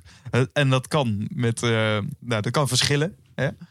Eh, maar het bewijs is, is hier een belangrijke. En ik zou daar graag aan willen toevoegen dat eh, ik, ik zie heel veel sprekers beginnen met zinnen als uit onderzoek blijkt. Wat dan natuurlijk gekoppeld hieraan een heel, heel goed werkende zin is. Maar alsjeblieft, check dan ook dat wanneer dat je dan die wijze neus hebt, die dan zegt van joh, kun je me even helpen? Welk onderzoek precies? Dat je dat wel hard kan maken. Nou, graag. En, eh, en ik zie dat ze- als het gaat over het trucje waar we van af willen, dat dus uit onderzoek blijkt, wordt ook een soort trucenzin. Eh, we, we noemen het maar. En er wordt ook vaak gezegd, hè, uit onderzoek blijkt dat 7% van je communicatie is, maar woorden. Dus, dus, hè, dus haast de subjectieve interpretatie van ieder onderzoek. Eh, nou ja, dat, dat, dat, dat is wel een. dat kan een mismatch creëren. Zeker. Maar kijk, het mooie is als mensen de wereld willen veranderen, dan ga je ook weer de moeite doen. Om, die ga je er weer insteken om dat voor elkaar te krijgen. Ja. Nou ja, en een van de manieren waardoor je kunt laten inspireren is door de wetenschap. Ja. En dat lijkt me een buitengewoon goed idee, eerlijk gezegd. Eens. Ja? Eens. Dus, dus dat is de eerste magiewet op de iets. De tweede is conflict. Mhm. En eh, dat is wel eentje ook. Dus die bewijs gaat er altijd wel makkelijk in bij klanten dat het belangrijk is. Ja. Eh, die conflict is er eigenlijk een, een, eentje die niet bij iedereen zo makkelijk er altijd in gaat. Maar eigenlijk is het idee van de kans op magie vergroot je. Mhm. eh, door niet hetzelfde te zeggen als alle anderen. Door er iets van spanning in te brengen. Ja, dus dat is, ehm, ehm, eh, dat, dat, dus dat is wat de magiewet conflict doet. En eh, we zeggen er altijd bij, stel je maar eens voor dat je het, je hebt het verhaal van Roodkapje. Stel je dat verhaal maar eens voor zonder dat er een grote boze wolf in zit. Mhm. Wordt een saai verhaal van. Heel saai verhaal. Ja. ja. Dus oma is ziek, Roodkapje brengt koekjes. Oma zegt dankjewel, Roodkapje gaat weer naar huis. Ja. Dat is heel saai. Ja. Maar de vraag is altijd, waar vecht je tegen? Ja. Tegen wie vecht je? Ja. Ja, ik vecht tegen slechte eh, gewoontes in de communicatiewereld. Mhm. Waar ik me echt de pletter aan erger. Dat is iets waar ik tegen vecht. En omdat ik ergens voor vecht, vecht ik dus automatisch ergens tegen. Ja. En dat is een potentiële bron van magie in elk verhaal. En ehm, als je naar heel veel van die corporate filmpjes kijkt, van die feel-good movies, ja, daar zit vaak geen wolf in. Ja. Dat is de, ik maak het ook wel vaak mee met mensen in communicatie die zeggen dan, ja, maar daar moeten we het niet over hebben, want dan, dan halen ze framing erbij en dan zeggen ze, dan komen mensen maar in het frame terecht dat er iets, eh, iets aan de hand is. Maar als er ergens zorgen leven, die zorgen gaan niet zomaar weg, tenzij de persoon het durft te benoemen. Ja. En het is niet zoals je er ergens niet over praat, dat het dan zomaar verdwijnt. En zo werkt het gewoon niet. Dus conflict is de dingen benoemen die spannend zijn, die misschien een beetje taboe zijn. Eh, de dingen die iedereen wel weet, maar niemand durft te zeggen. Eh, degene waar tegen je vecht. Dat zijn allemaal elementen van het conflict. Ja. En eh, die durven benoemen als spreker is een hele grote bron van, van potentiële magie. Ja. En ik zie hem niet als verplicht, maar als hij er opeens in komt, dan kan het geweldig zijn. Ja, Ik- en, misschien, misschien goed. Ja. Schiet me een voorbeeld te binnen. ja graag. Ik deed eh, bij een groep advocaten begeleide ik een pitch. En, eh, en ik was een beetje aan het doorvragen. Ik vroeg elke keer, nou, wie is nou op dit rechtsgebied het beste kantoor van Nederland? En nou, dat wist niet echt een antwoord op. Ehm, en vroeg toch nog een paar keer, maar wie is er dan het beste? En toen zei hij van, nou ja, als je het voor dit wil, kan je het beste naar die concurrent gaan. Maar voor dat onderdeel ben ik by far de beste in Nederland. Nou ja, en dan had je het taboe doorbreken, doorbroken. En dat was het moment dat hij die pitch daarna ook won. Ja, want dat is natuurlijk zo eerlijk en iets wat je eigenlijk niet behoort te benoemen van waar een concurrent beter in is. Ja. Maar daardoor werd het eigen verhaal werd zo eerlijk. Ehm, waardoor die pitch op dat moment op de goede plek viel. ja, dus het schetsen van de polariteit haast Zeker. eh, werkt.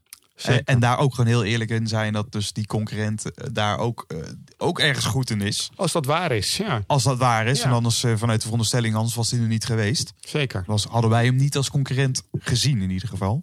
Nou ja, het kan ook gewoon zijn dat een kantoor natuurlijk ergens beter in is. Ja, ja. En is hetzelfde. Kijk, wat een politicus natuurlijk altijd probeert. Wie is de vijand?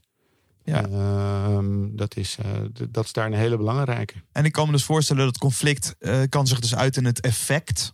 En dus er gebeurt iets terwijl het aan het praten zijn. Dat je denkt, oeh, dit schuurt.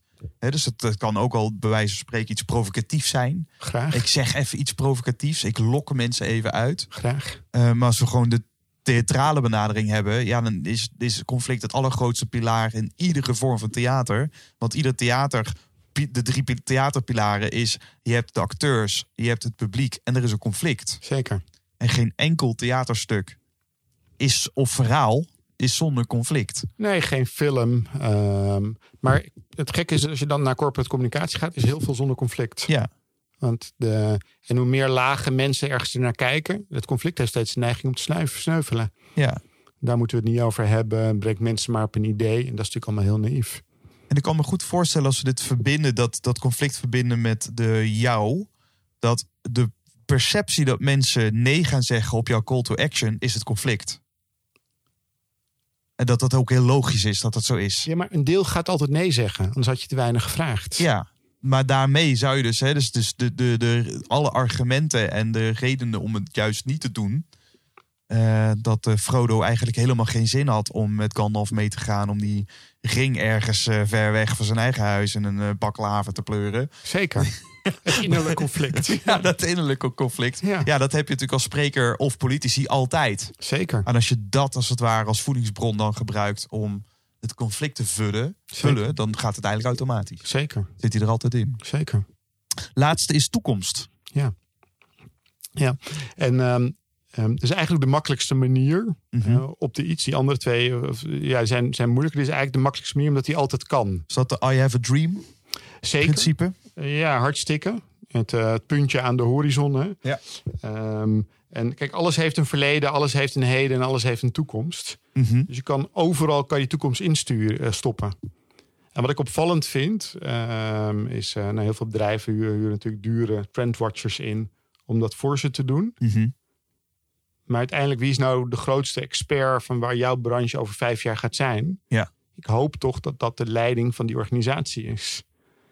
En het is altijd een interessante vraag, waar denk ik nou dat het over vijf jaar staat? Mhm. Heel veel mensen zitten natuurlijk in het kwartaal. Ja. Ja, hoe haal ik dit kwartaal? Ik op dit moment ook een beetje hè, met, eh, met, met deze coronacrisis. Ja, denk wij allemaal. En eh, dus ik vind het nu ook lastig om te zeggen waar we over vijf jaar staan. En toch, van een leider hoop je toch dat hij daar, eh, dat hij daar visie op kan geven. Ja. En ehm, dus, dus je eigen toekomstvoorspelling in je verhaal stoppen. Waar denk ik nou dat het heen gaat? Ja, dat is eigenlijk die is minder spannend. Ja, is ook wel spannend omdat mensen denken: hoe kan ik het nou weten? Ja, daar is hij spannend op. En eh, nee, precies kan je het ook niet weten. Dat klopt natuurlijk altijd. Ja.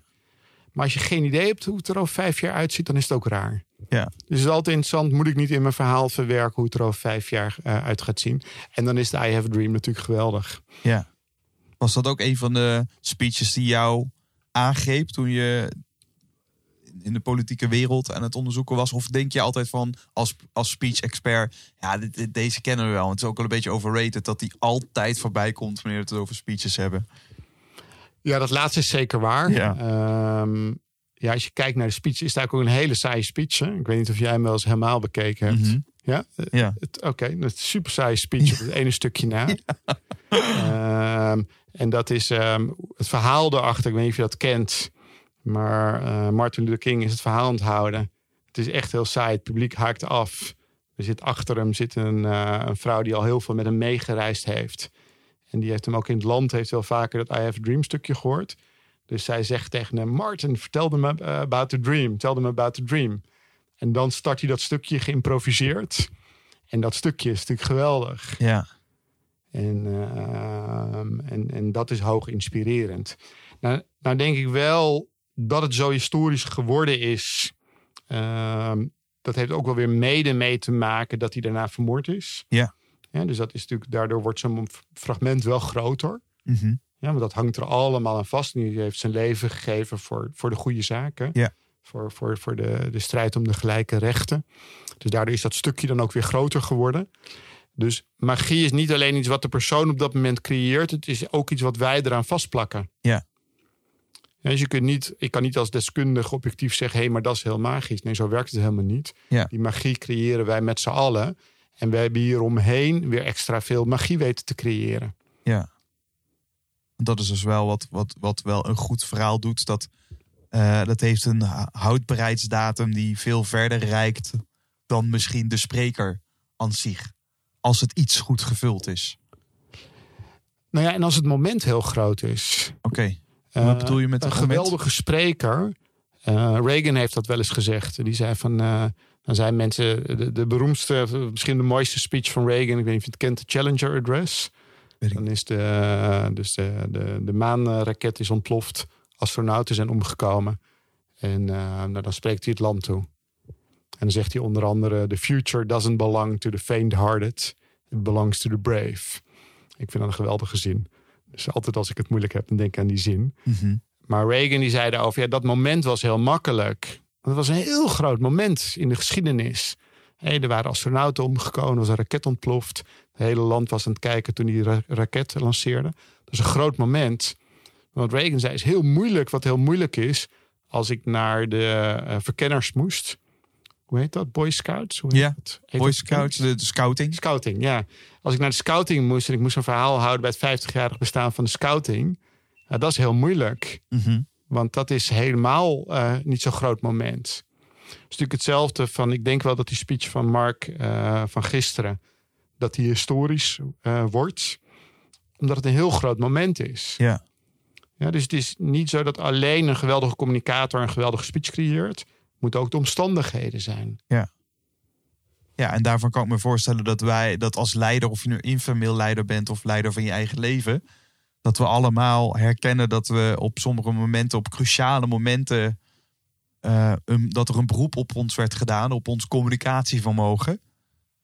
En ik kan me wel voorstellen dat hoe, hoe, hoe beter je hiervan bewust bent en gewoon al begint met het, hè, de fascinatie hiervan en het trainen hiervan, eh, hoe beter je op Mam Supreme eh, ook, ook de boodschap weet over te brengen die op dat moment nodig is. Ja, dat denk ik wel. En als je er een beetje lol in hebt, denk ik. Ja, want ik kan me ook wel weer voorstellen dat, hè, gekoppeld aan de omstandigheden, dat je haast denkt van, dat ik als leider denk van ja, zolang het allemaal koek en ei is, waarom zou ik hier dan aandacht aan moeten spenderen? Eh, dat- Er komt misschien ooit een keer een moment dat het van me gevraagd wordt, maar dan zien we dan wel weer eh, hoe we Ja, het gaan dat- invullen. Dus, dus juist die grote mensen zijn relatief te wat makkelijker. Hè? Ehm, ik hoor relatief vaak van klanten van wat, wat van, was nou een verhaal ehm, waarbij het gevoel had, hey, dat, dat ging heel goed. Ze hoor ik relatief vaak van mensen als ze op een begrafenis moesten spreken. Ja.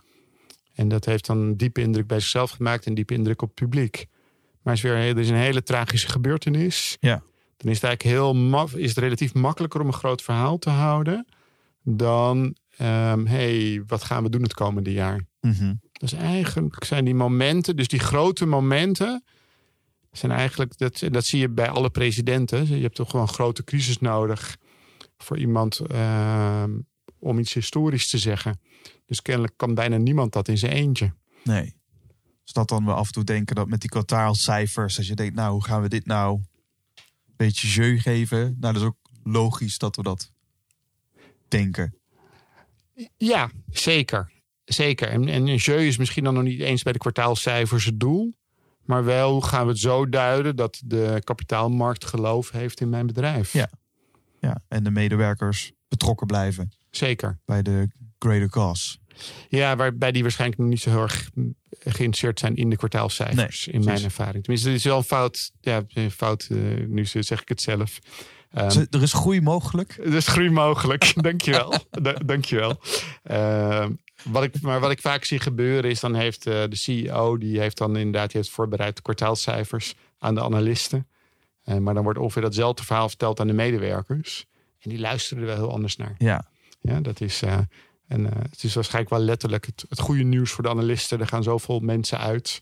Is het slechte nieuws voor de medewerkers. ja. En die is gewoon een totaal anders. Dus ook hier moeten we weer eigenlijk weer terug naar de jou. Eh, wie heb ik voor me? Zeker, Dus de aandeelhouders krijgen een andere boodschap dan de mensen. exact. Eh, en ben ik me bewust dat ik dus daarin één, één keer het rapport op mijn bureau krijg. Maar daar bij wijze van spreken vijf verhalen omheen ga maken. Zeker, en het geldt voor iedereen. Je, je, je schaakt op heel verschillende borden. Maar Ja. Je moet wel eh, je van bewust zijn op welk bord je aan het spelen bent. Leuk metafoor. Zeker als schaker. Zeker, Ja. We hebben nog één, eh, één bol te vullen. ja. Meer ik. Misschien wel. eh, dus we eindigen daar. Maar daar begint het toch alle tijd mee. Met meer jou. Meer authenticiteit. Ja, en ik, ik heb altijd wel een beetje moeite met het woord authenticiteit. Ja, ik zie, ik zie het ook aan je. Ik snap het niet zo goed. Nee? Ehm, want eh, kijk, ik ben in heel veel verschillende situaties ben ik authentiek. Ja. Weet je, als ik een beetje afwezig ben, ik sta af te rekenen bij de Albert Heijn, Ja. heb ik nog wel het gevoel, ja, ja dat doet Bas soms, een beetje afwezig zijn. Eh, dus dat is best wel authentiek. Dus, dus in die zin snap ik het woord niet helemaal. Ehm maar toch, als ik op het podium ben, dan probeer ik de beste versie van mezelf te laten zien. Ja. Ja, dus dat is de. Dus, dus, dus ja, het moet kloppen. Je moet eerlijk zijn en je moet open zijn. Maar het is wel ja, een, communicatiemoment of een groot communicatiemoment. Is wel een beetje de eerste date. Ja. Ja, die ga je niet in je trainingspak naartoe. Ja, dus, dus, dus de, de, volgens, mij, dus volgens mij is alles authentiek. En, en wordt authenticiteit ook wel veel gebruikt als een soort excuus om het gewoon de manier te doen zoals je het altijd deed. Dus het is eigenlijk zoeken welke vorm past nou bij mij. Maar het is wel de beste versie van mezelf. Ja. Dus, dus daarom heb ik enigszins moeite met het woord. Ja. Eh, maar wat voor mij het ik betekent, is: Ja. eh, heb je het lef om volledig aanwezig te zijn? Mhm. Dus dat, dat balletje waar we het in het begin over hebben, dat helpt je erbij om echt in contact te zijn met de mensen die er op dat moment zijn. Dus, dus, dus, dat, dus lukt het je om vollediger te zijn, dus, dus als onderdeel van de ik. En durf je ook jezelf te laten zien in de worstelingen die je hebt doorgemaakt. Dus niet alleen de succesverhalen, eh, maar juist in momenten, ja, als je je publiek een les mee wil geven, momenten dat je er zelf nog niet was. Ja. En dat is. ehm, ehm, dus dat zijn onderdelen van de ik. Mooi. Dus het is niet zozeer authentieker, maar heel bewust zijn van welke vorm het beste bij je past. Eh, die uitvergroten. Zeker. Eh, de beste versie van jezelf. Nou, dat, dat, dat is een uitspraak die bij mij. Ik kan me voorstellen dat authenticiteit bij jou eh, een beetje jeuk geeft. Bij mij is dat de beste versie van jezelf. Een soort het credo in de persoonlijke ontwikkeling natuurlijk. Ja, voor- bij, bij mij ook wel. Nee, maar het is ook. Ja, eh, met, nee, maar je, bent, je, je denkt gewoon doelbewust na. Maar het veronderstelt- je laat zien. Ja, het veronderstelt wel dat je jezelf in een staat brengt. In een, eh, waarin je kan accelereren, waarin je kan inspireren. Zeker. Waarin je ook bewust bent dat de zenuwen die je misschien ervaart, dat die heel erg nodig zijn om in die toestand te komen. ik wel. Ik ben Om, altijd om die prestatie goed te doen. Ja, ik ben altijd zenuwachtig als ik het eh, een verhaal moet vertellen. Dat blijft dus ook als Bij speech expert. Nou ja, bij mij wel. En hoe, hoe, hoe, met wat voor overtuiging kijk jij dan naar die spanning? Ja, dat het oké is. Ja. En dat het erbij hoort. En, eh, dus daar zit niet een hele diepe overtuiging achter. Oh Maar ja, het het, is meer het zoiets is van, oké. daar- is al- Daar gaan we weer. Ja, daar gaan we weer. Ja. Een soort achtbaan waarvan je denkt van ja, dat, dat, dat moment dat die beugels dichtgaan. Denkt, mijn hemel, Ja, ben ik aan begonnen. Kijk, het is ook altijd spannend. Hè? Het is, ehm, ehm, soms dan heb ik een verhaal gehouden en is het volledig magisch. Weet je? En dan eh, gaat het echt met een energie naar buiten toe. En dan knalt het. En dan eh, voelt het zo heerlijk. Maar soms is het ook harder werken. Ja. En, en het, het is soms juist, dat, eh, dat ken ik ook van klanten. Als je één moment hebt gehad waarin het geweldig was, ga je daarna elke keer opnieuw op zoek naar dat gevoel. Terwijl het niet elke keer dat kan zijn. Nou ja, en als acteur weet je dat ook. Je kan eenzelfde voorstelling hebben en dan kan een avond geweldig gaan. Ja. Geen enkele garantie dat het de volgende avond met exact hetzelfde stuk, dezelfde spelers, dezelfde tekst weer geweldig is. Nee. En, eh, en daar kan wel iets frustrerends ontstaan. Dat als je weer teruggaat naar dat gevoel. Ik wil dat van, van eergisteravond. Dat, dat belt de klant wel eens. Hè? Dan ben je, is het ergens helemaal magisch geweest. En dan belt de klant. Ja, ik wil, ik wil eigenlijk datzelfde als toen. Ja, dat is heel spannend. Ja, weet, weet ik veel of dat weer gaat lukken. Want het heeft iets met mij te maken. Het heeft iets met omstandigheden te maken. Ja. Het heeft iets met de mensen in de zaal te maken. Ja, dat is, eh, ja, die magie is nooit een garantie. Het is niet zo als je die negen wetten uit het boek toepast, dat het er dan gaat zijn. Kijk, je streeft ernaar ten alle tijden. Maar je weet dat het je lang niet altijd gaat lukken. Ja, ik moet haast nu denken aan, aan, aan een metafoor van je kan wel eh, van die aanmaakblokjes erbij gooien. Dat, dat zorgt ervoor dat de kans toch wel toeneemt dat het vuur vat. Maar we hebben toch echt nog steeds wel die vonk nodig om uiteindelijk het vuur te doen opwakkeren.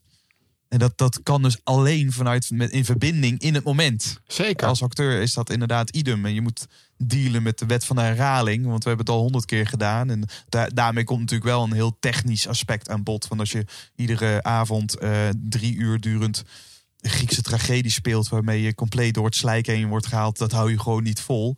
Eh, terwijl het bij amateurtoneel kun je best wel vragen van... joh, denk een keer, eh, is er iemand overleden? En je, nou ja, weet je wel, groep dat gevoel op en dan ben je er wel. Eh, maar desalniettemin, ook dan zal, resoneert het pas bij het publiek... als het ook ergens resoneert bij jezelf op dat moment. Exact. En dat is precies wat het is. En dat is dus ook als we kijken naar persoonlijk en passie... is dat eigenlijk die, die, meteen die twee wetten Ja. ingevuld volgens jou? Ja, het, kijk, het persoonlijke stuk is, ben ik eerlijk over mijn ervaringen? Oké. En, ehm, en niet de succesverhalen, maar eigenlijk ja, de momenten eh, dat het er niet was. Mhm. Durf ik daar eerlijk over te zijn? Het passie spreken over een onderwerp wat ik leuk vind. Ja. Ja, waar ik enthousiast over ben. En, ehm, ehm, en dat is, soms is dat zoeken naar welk deel van het onderwerp ben ik dan wel gepassioneerd over. Mhm. Ja, wat, waar, waar zit dan voor mij het vuur? En, eh, en als je dat weet te vinden, dan eh, staat iemand daar natuurlijk met meer energie. Ja. Net zoals de acteur die overlap moet hebben met zijn rol. Ja. Ja, Ja, waar die, zit hij dan? die in een rol kruipt en ook het onderzoek aangaat vooraf. Ja, om maar dat te doen. ook wetende dat hij waarschijnlijk niet bij het hele personage kan. Maar dat hij alleen geloofwaardig kan spelen. Dat deel van het personage wat ook in hem of haar zit. Ja. En contact is de laatste wet in Ja. deze rij. Ja, en dat, dat, dat is dat balletje waar we het in het begin over Ja. En eh, wat het doet is met de ik is dat hij volledig aanwezig is. En dat hij het echt heeft tegen de mensen die er op dat moment zitten. Mhm. Ehm, en dat, ehm, ja, idealiter wil je dat de energie van de spreker naar het publiek vloeit. En weer terug van het publiek naar de spreker toe. En dat je samen zo'n stroom doorgaat. Mhm.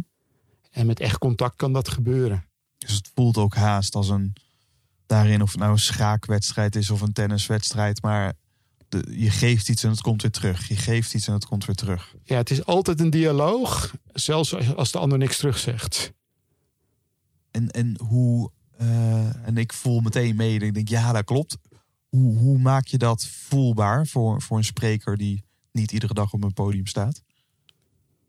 Nou, bijvoorbeeld het tennisballetje. En Ja. duizend andere oefeningen die we hebben. Maar het- tennisballetje is wel een mooi symbool ervan. Ja, Want wij zitten, dat kan de luisteraar niet zien, maar wij zitten nu met onze handen te Ja. gebaren. Ja. Eh, maar dat is eigenlijk ook de beweging van het balletje. ja. En wat is een, een ander voorbeeld? Wat, wat dezelfde strekking of dezelfde lading heeft? Andere oefening? Ehm, nou, wat we wel doen is eh, voor iemand eh, elke zin herhalen bijvoorbeeld. Een soort echoput. Ja. Ja, en het creëert eigenlijk hetzelfde effect. Want als jij mij een hele lange zin geeft die ik onmogelijk kan herhalen, Ja. en dan kan die ook nooit landen bij het publiek. Nee.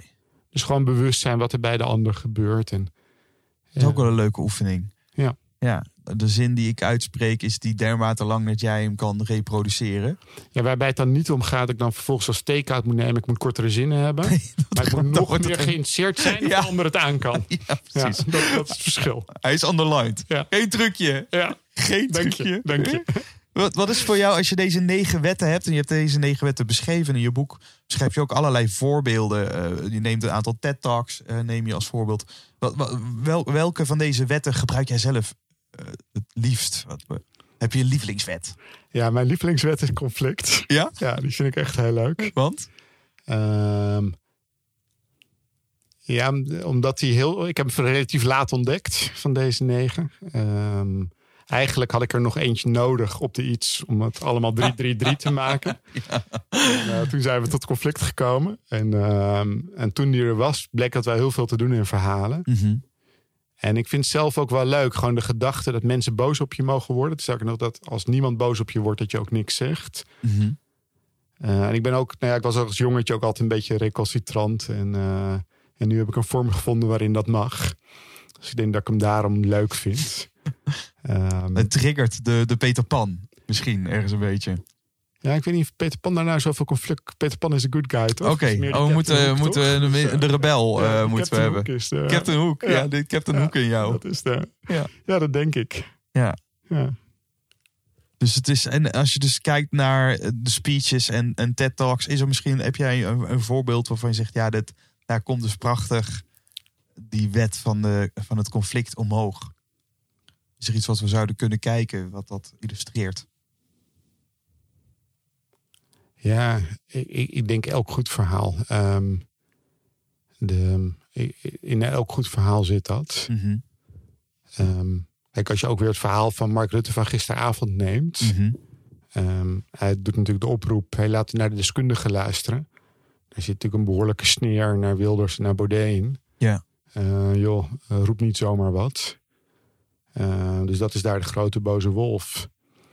En, maar ja, dus- dus, dus ik denk elk verhaal wat de moeite waard is om naar te luisteren, zit dat grote in. Dus als je eh, de Martin Luther King hebt. Ik bedoel, enerzijds is dat een hele positieve. En alleen het I Have a Dream is een hele mooie droom. Maar tegelijkertijd is dat natuurlijk ook tegen eh, nou ja, de Ku Klux Klan als grote boze wolf. Ja, Dus daar zit allemaal het conflict vol in. Dus ik denk niet dat er een verhaal denkbaar is. zonder waarin conflict. Wat groot is, waar je niet heel makkelijk zou kunnen aanwijzen. Ja. Ehm, dat denk ik eigenlijk. Ja. En eh, waar ik voor wil waken is om te zeggen... je moet naar die speech luisteren of dat is zo goed of dat is zo goed. Want er zit heel veel smaak in. Ja, Het is heel zo- subjectief. het is hartstikke subjectief. Ja, het is net zoals... eh, kijk, ik snap best wel dat objectief gezien... Celine Dion best wel heel goed kan zingen. Maar ik vind het niet om aan te horen. Maar dat ligt gewoon aan mij. Want ik snap ook dat er heel veel mensen zijn die... Nou, we kunnen elkaar de hand schudden hoor. Ja, dat mag, mag deze dagen niet een elleboog geven. Maar heel veel mensen vinden het heel mooi. En dat, dat, dus er zit heel veel smaak in. Ja. Dus het is niet zo dat ik als deskundige beter een goede speech kan aanwijzen dan wie dan ook in de straat. Zo is het niet. Ik snap iets beter hoe je iemand kunt stimuleren om tot het eigen potentieel magische verhaal te komen. Ja. Maar ik wil waken voor hem aan te wijzen: hey, dat is zo'n goede speech en zo moet je het allemaal doen. Want zo werkt het niet. Dankjewel voor al je inzichten, Bas. Ik vond het leuk, dankjewel. En, en het mooie is dat, eh, dat mocht je hiermee in de slag willen, dat kan. Want jullie hebben gewoon een online tool ontwikkeld.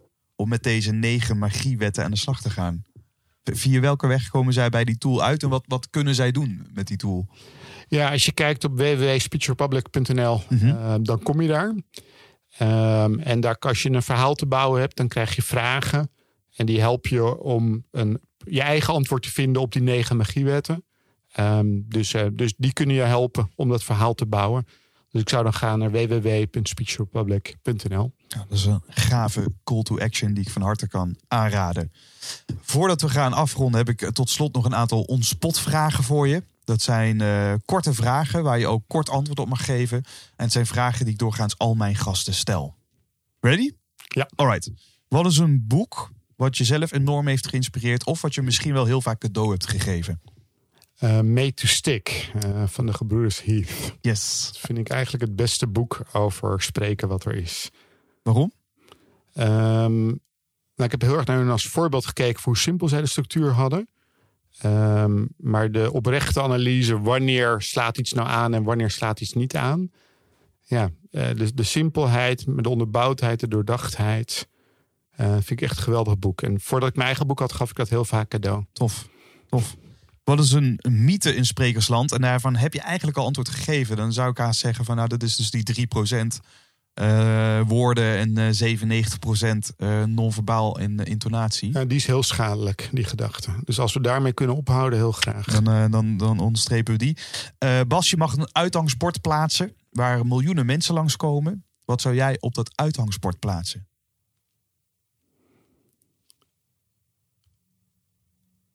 Laten we ophouden elkaar te beoordelen als we communiceren. Laten we ophouden. Elkaar te beoordelen hoe we communiceren. En dan komt dan toch die 20, een jonge Bas weer terug. Die te vaak te, hoor, te horen heeft gekregen dat de wenkbrauwen op. eh, Ja, die, maar ook de 47-jarige Bas die nog steeds ziet dat mensen in communicatie het niet helemaal begrepen hebben. mooi, mooi. Eh, Bas, stel je voor dat angst geen enkele rol meer zou spelen in je leven. Wat voor keuze zou je dan maken?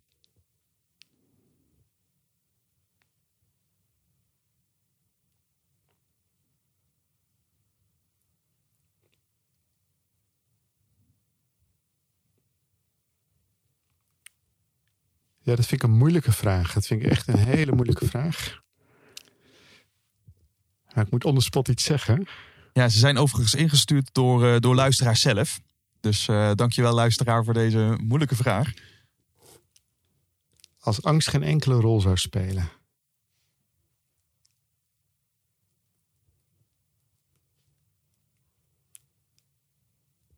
Nou ja, ik, ik denk dat ik toch iets ga zeggen wat ik aan proberen te leren. Ik, ik ben aan het leren kitesurfen. En Ja. ik vind het heel eng, die vlieger. Dus dit is ook een meerjarig project met een hele trage leerling. Ehm, dus ik hoop toch eigenlijk te kunnen zeggen dat ik het over een jaar... dat ik niet alleen weg kan varen... dat ik ook weer terug kan komen op de plaats waar ik begonnen ben. Mooi. En dat ik dapper genoeg ga zijn om deze reis door te zetten. Ehm, ik, ik- ja, want, want ik vind het echt eng. Ehm, maar ik heb ook ik heb heel lang gedaan over motorrijbewijs. Die angst heb ik ook weten te overwinnen. Ja. Ehm, na meer dan 100 lessen of zo. Dat was ook een, eh, een gebed zonder einde. Maar ik hoop eigenlijk dat ik straks van kitesurfen hetzelfde kan zeggen. Mooi. Vind je het goed als ik over een paar jaar een keer check? Zeker. Mooi. Wat is een eh, idool of inspiratiebron voor jou op dit moment?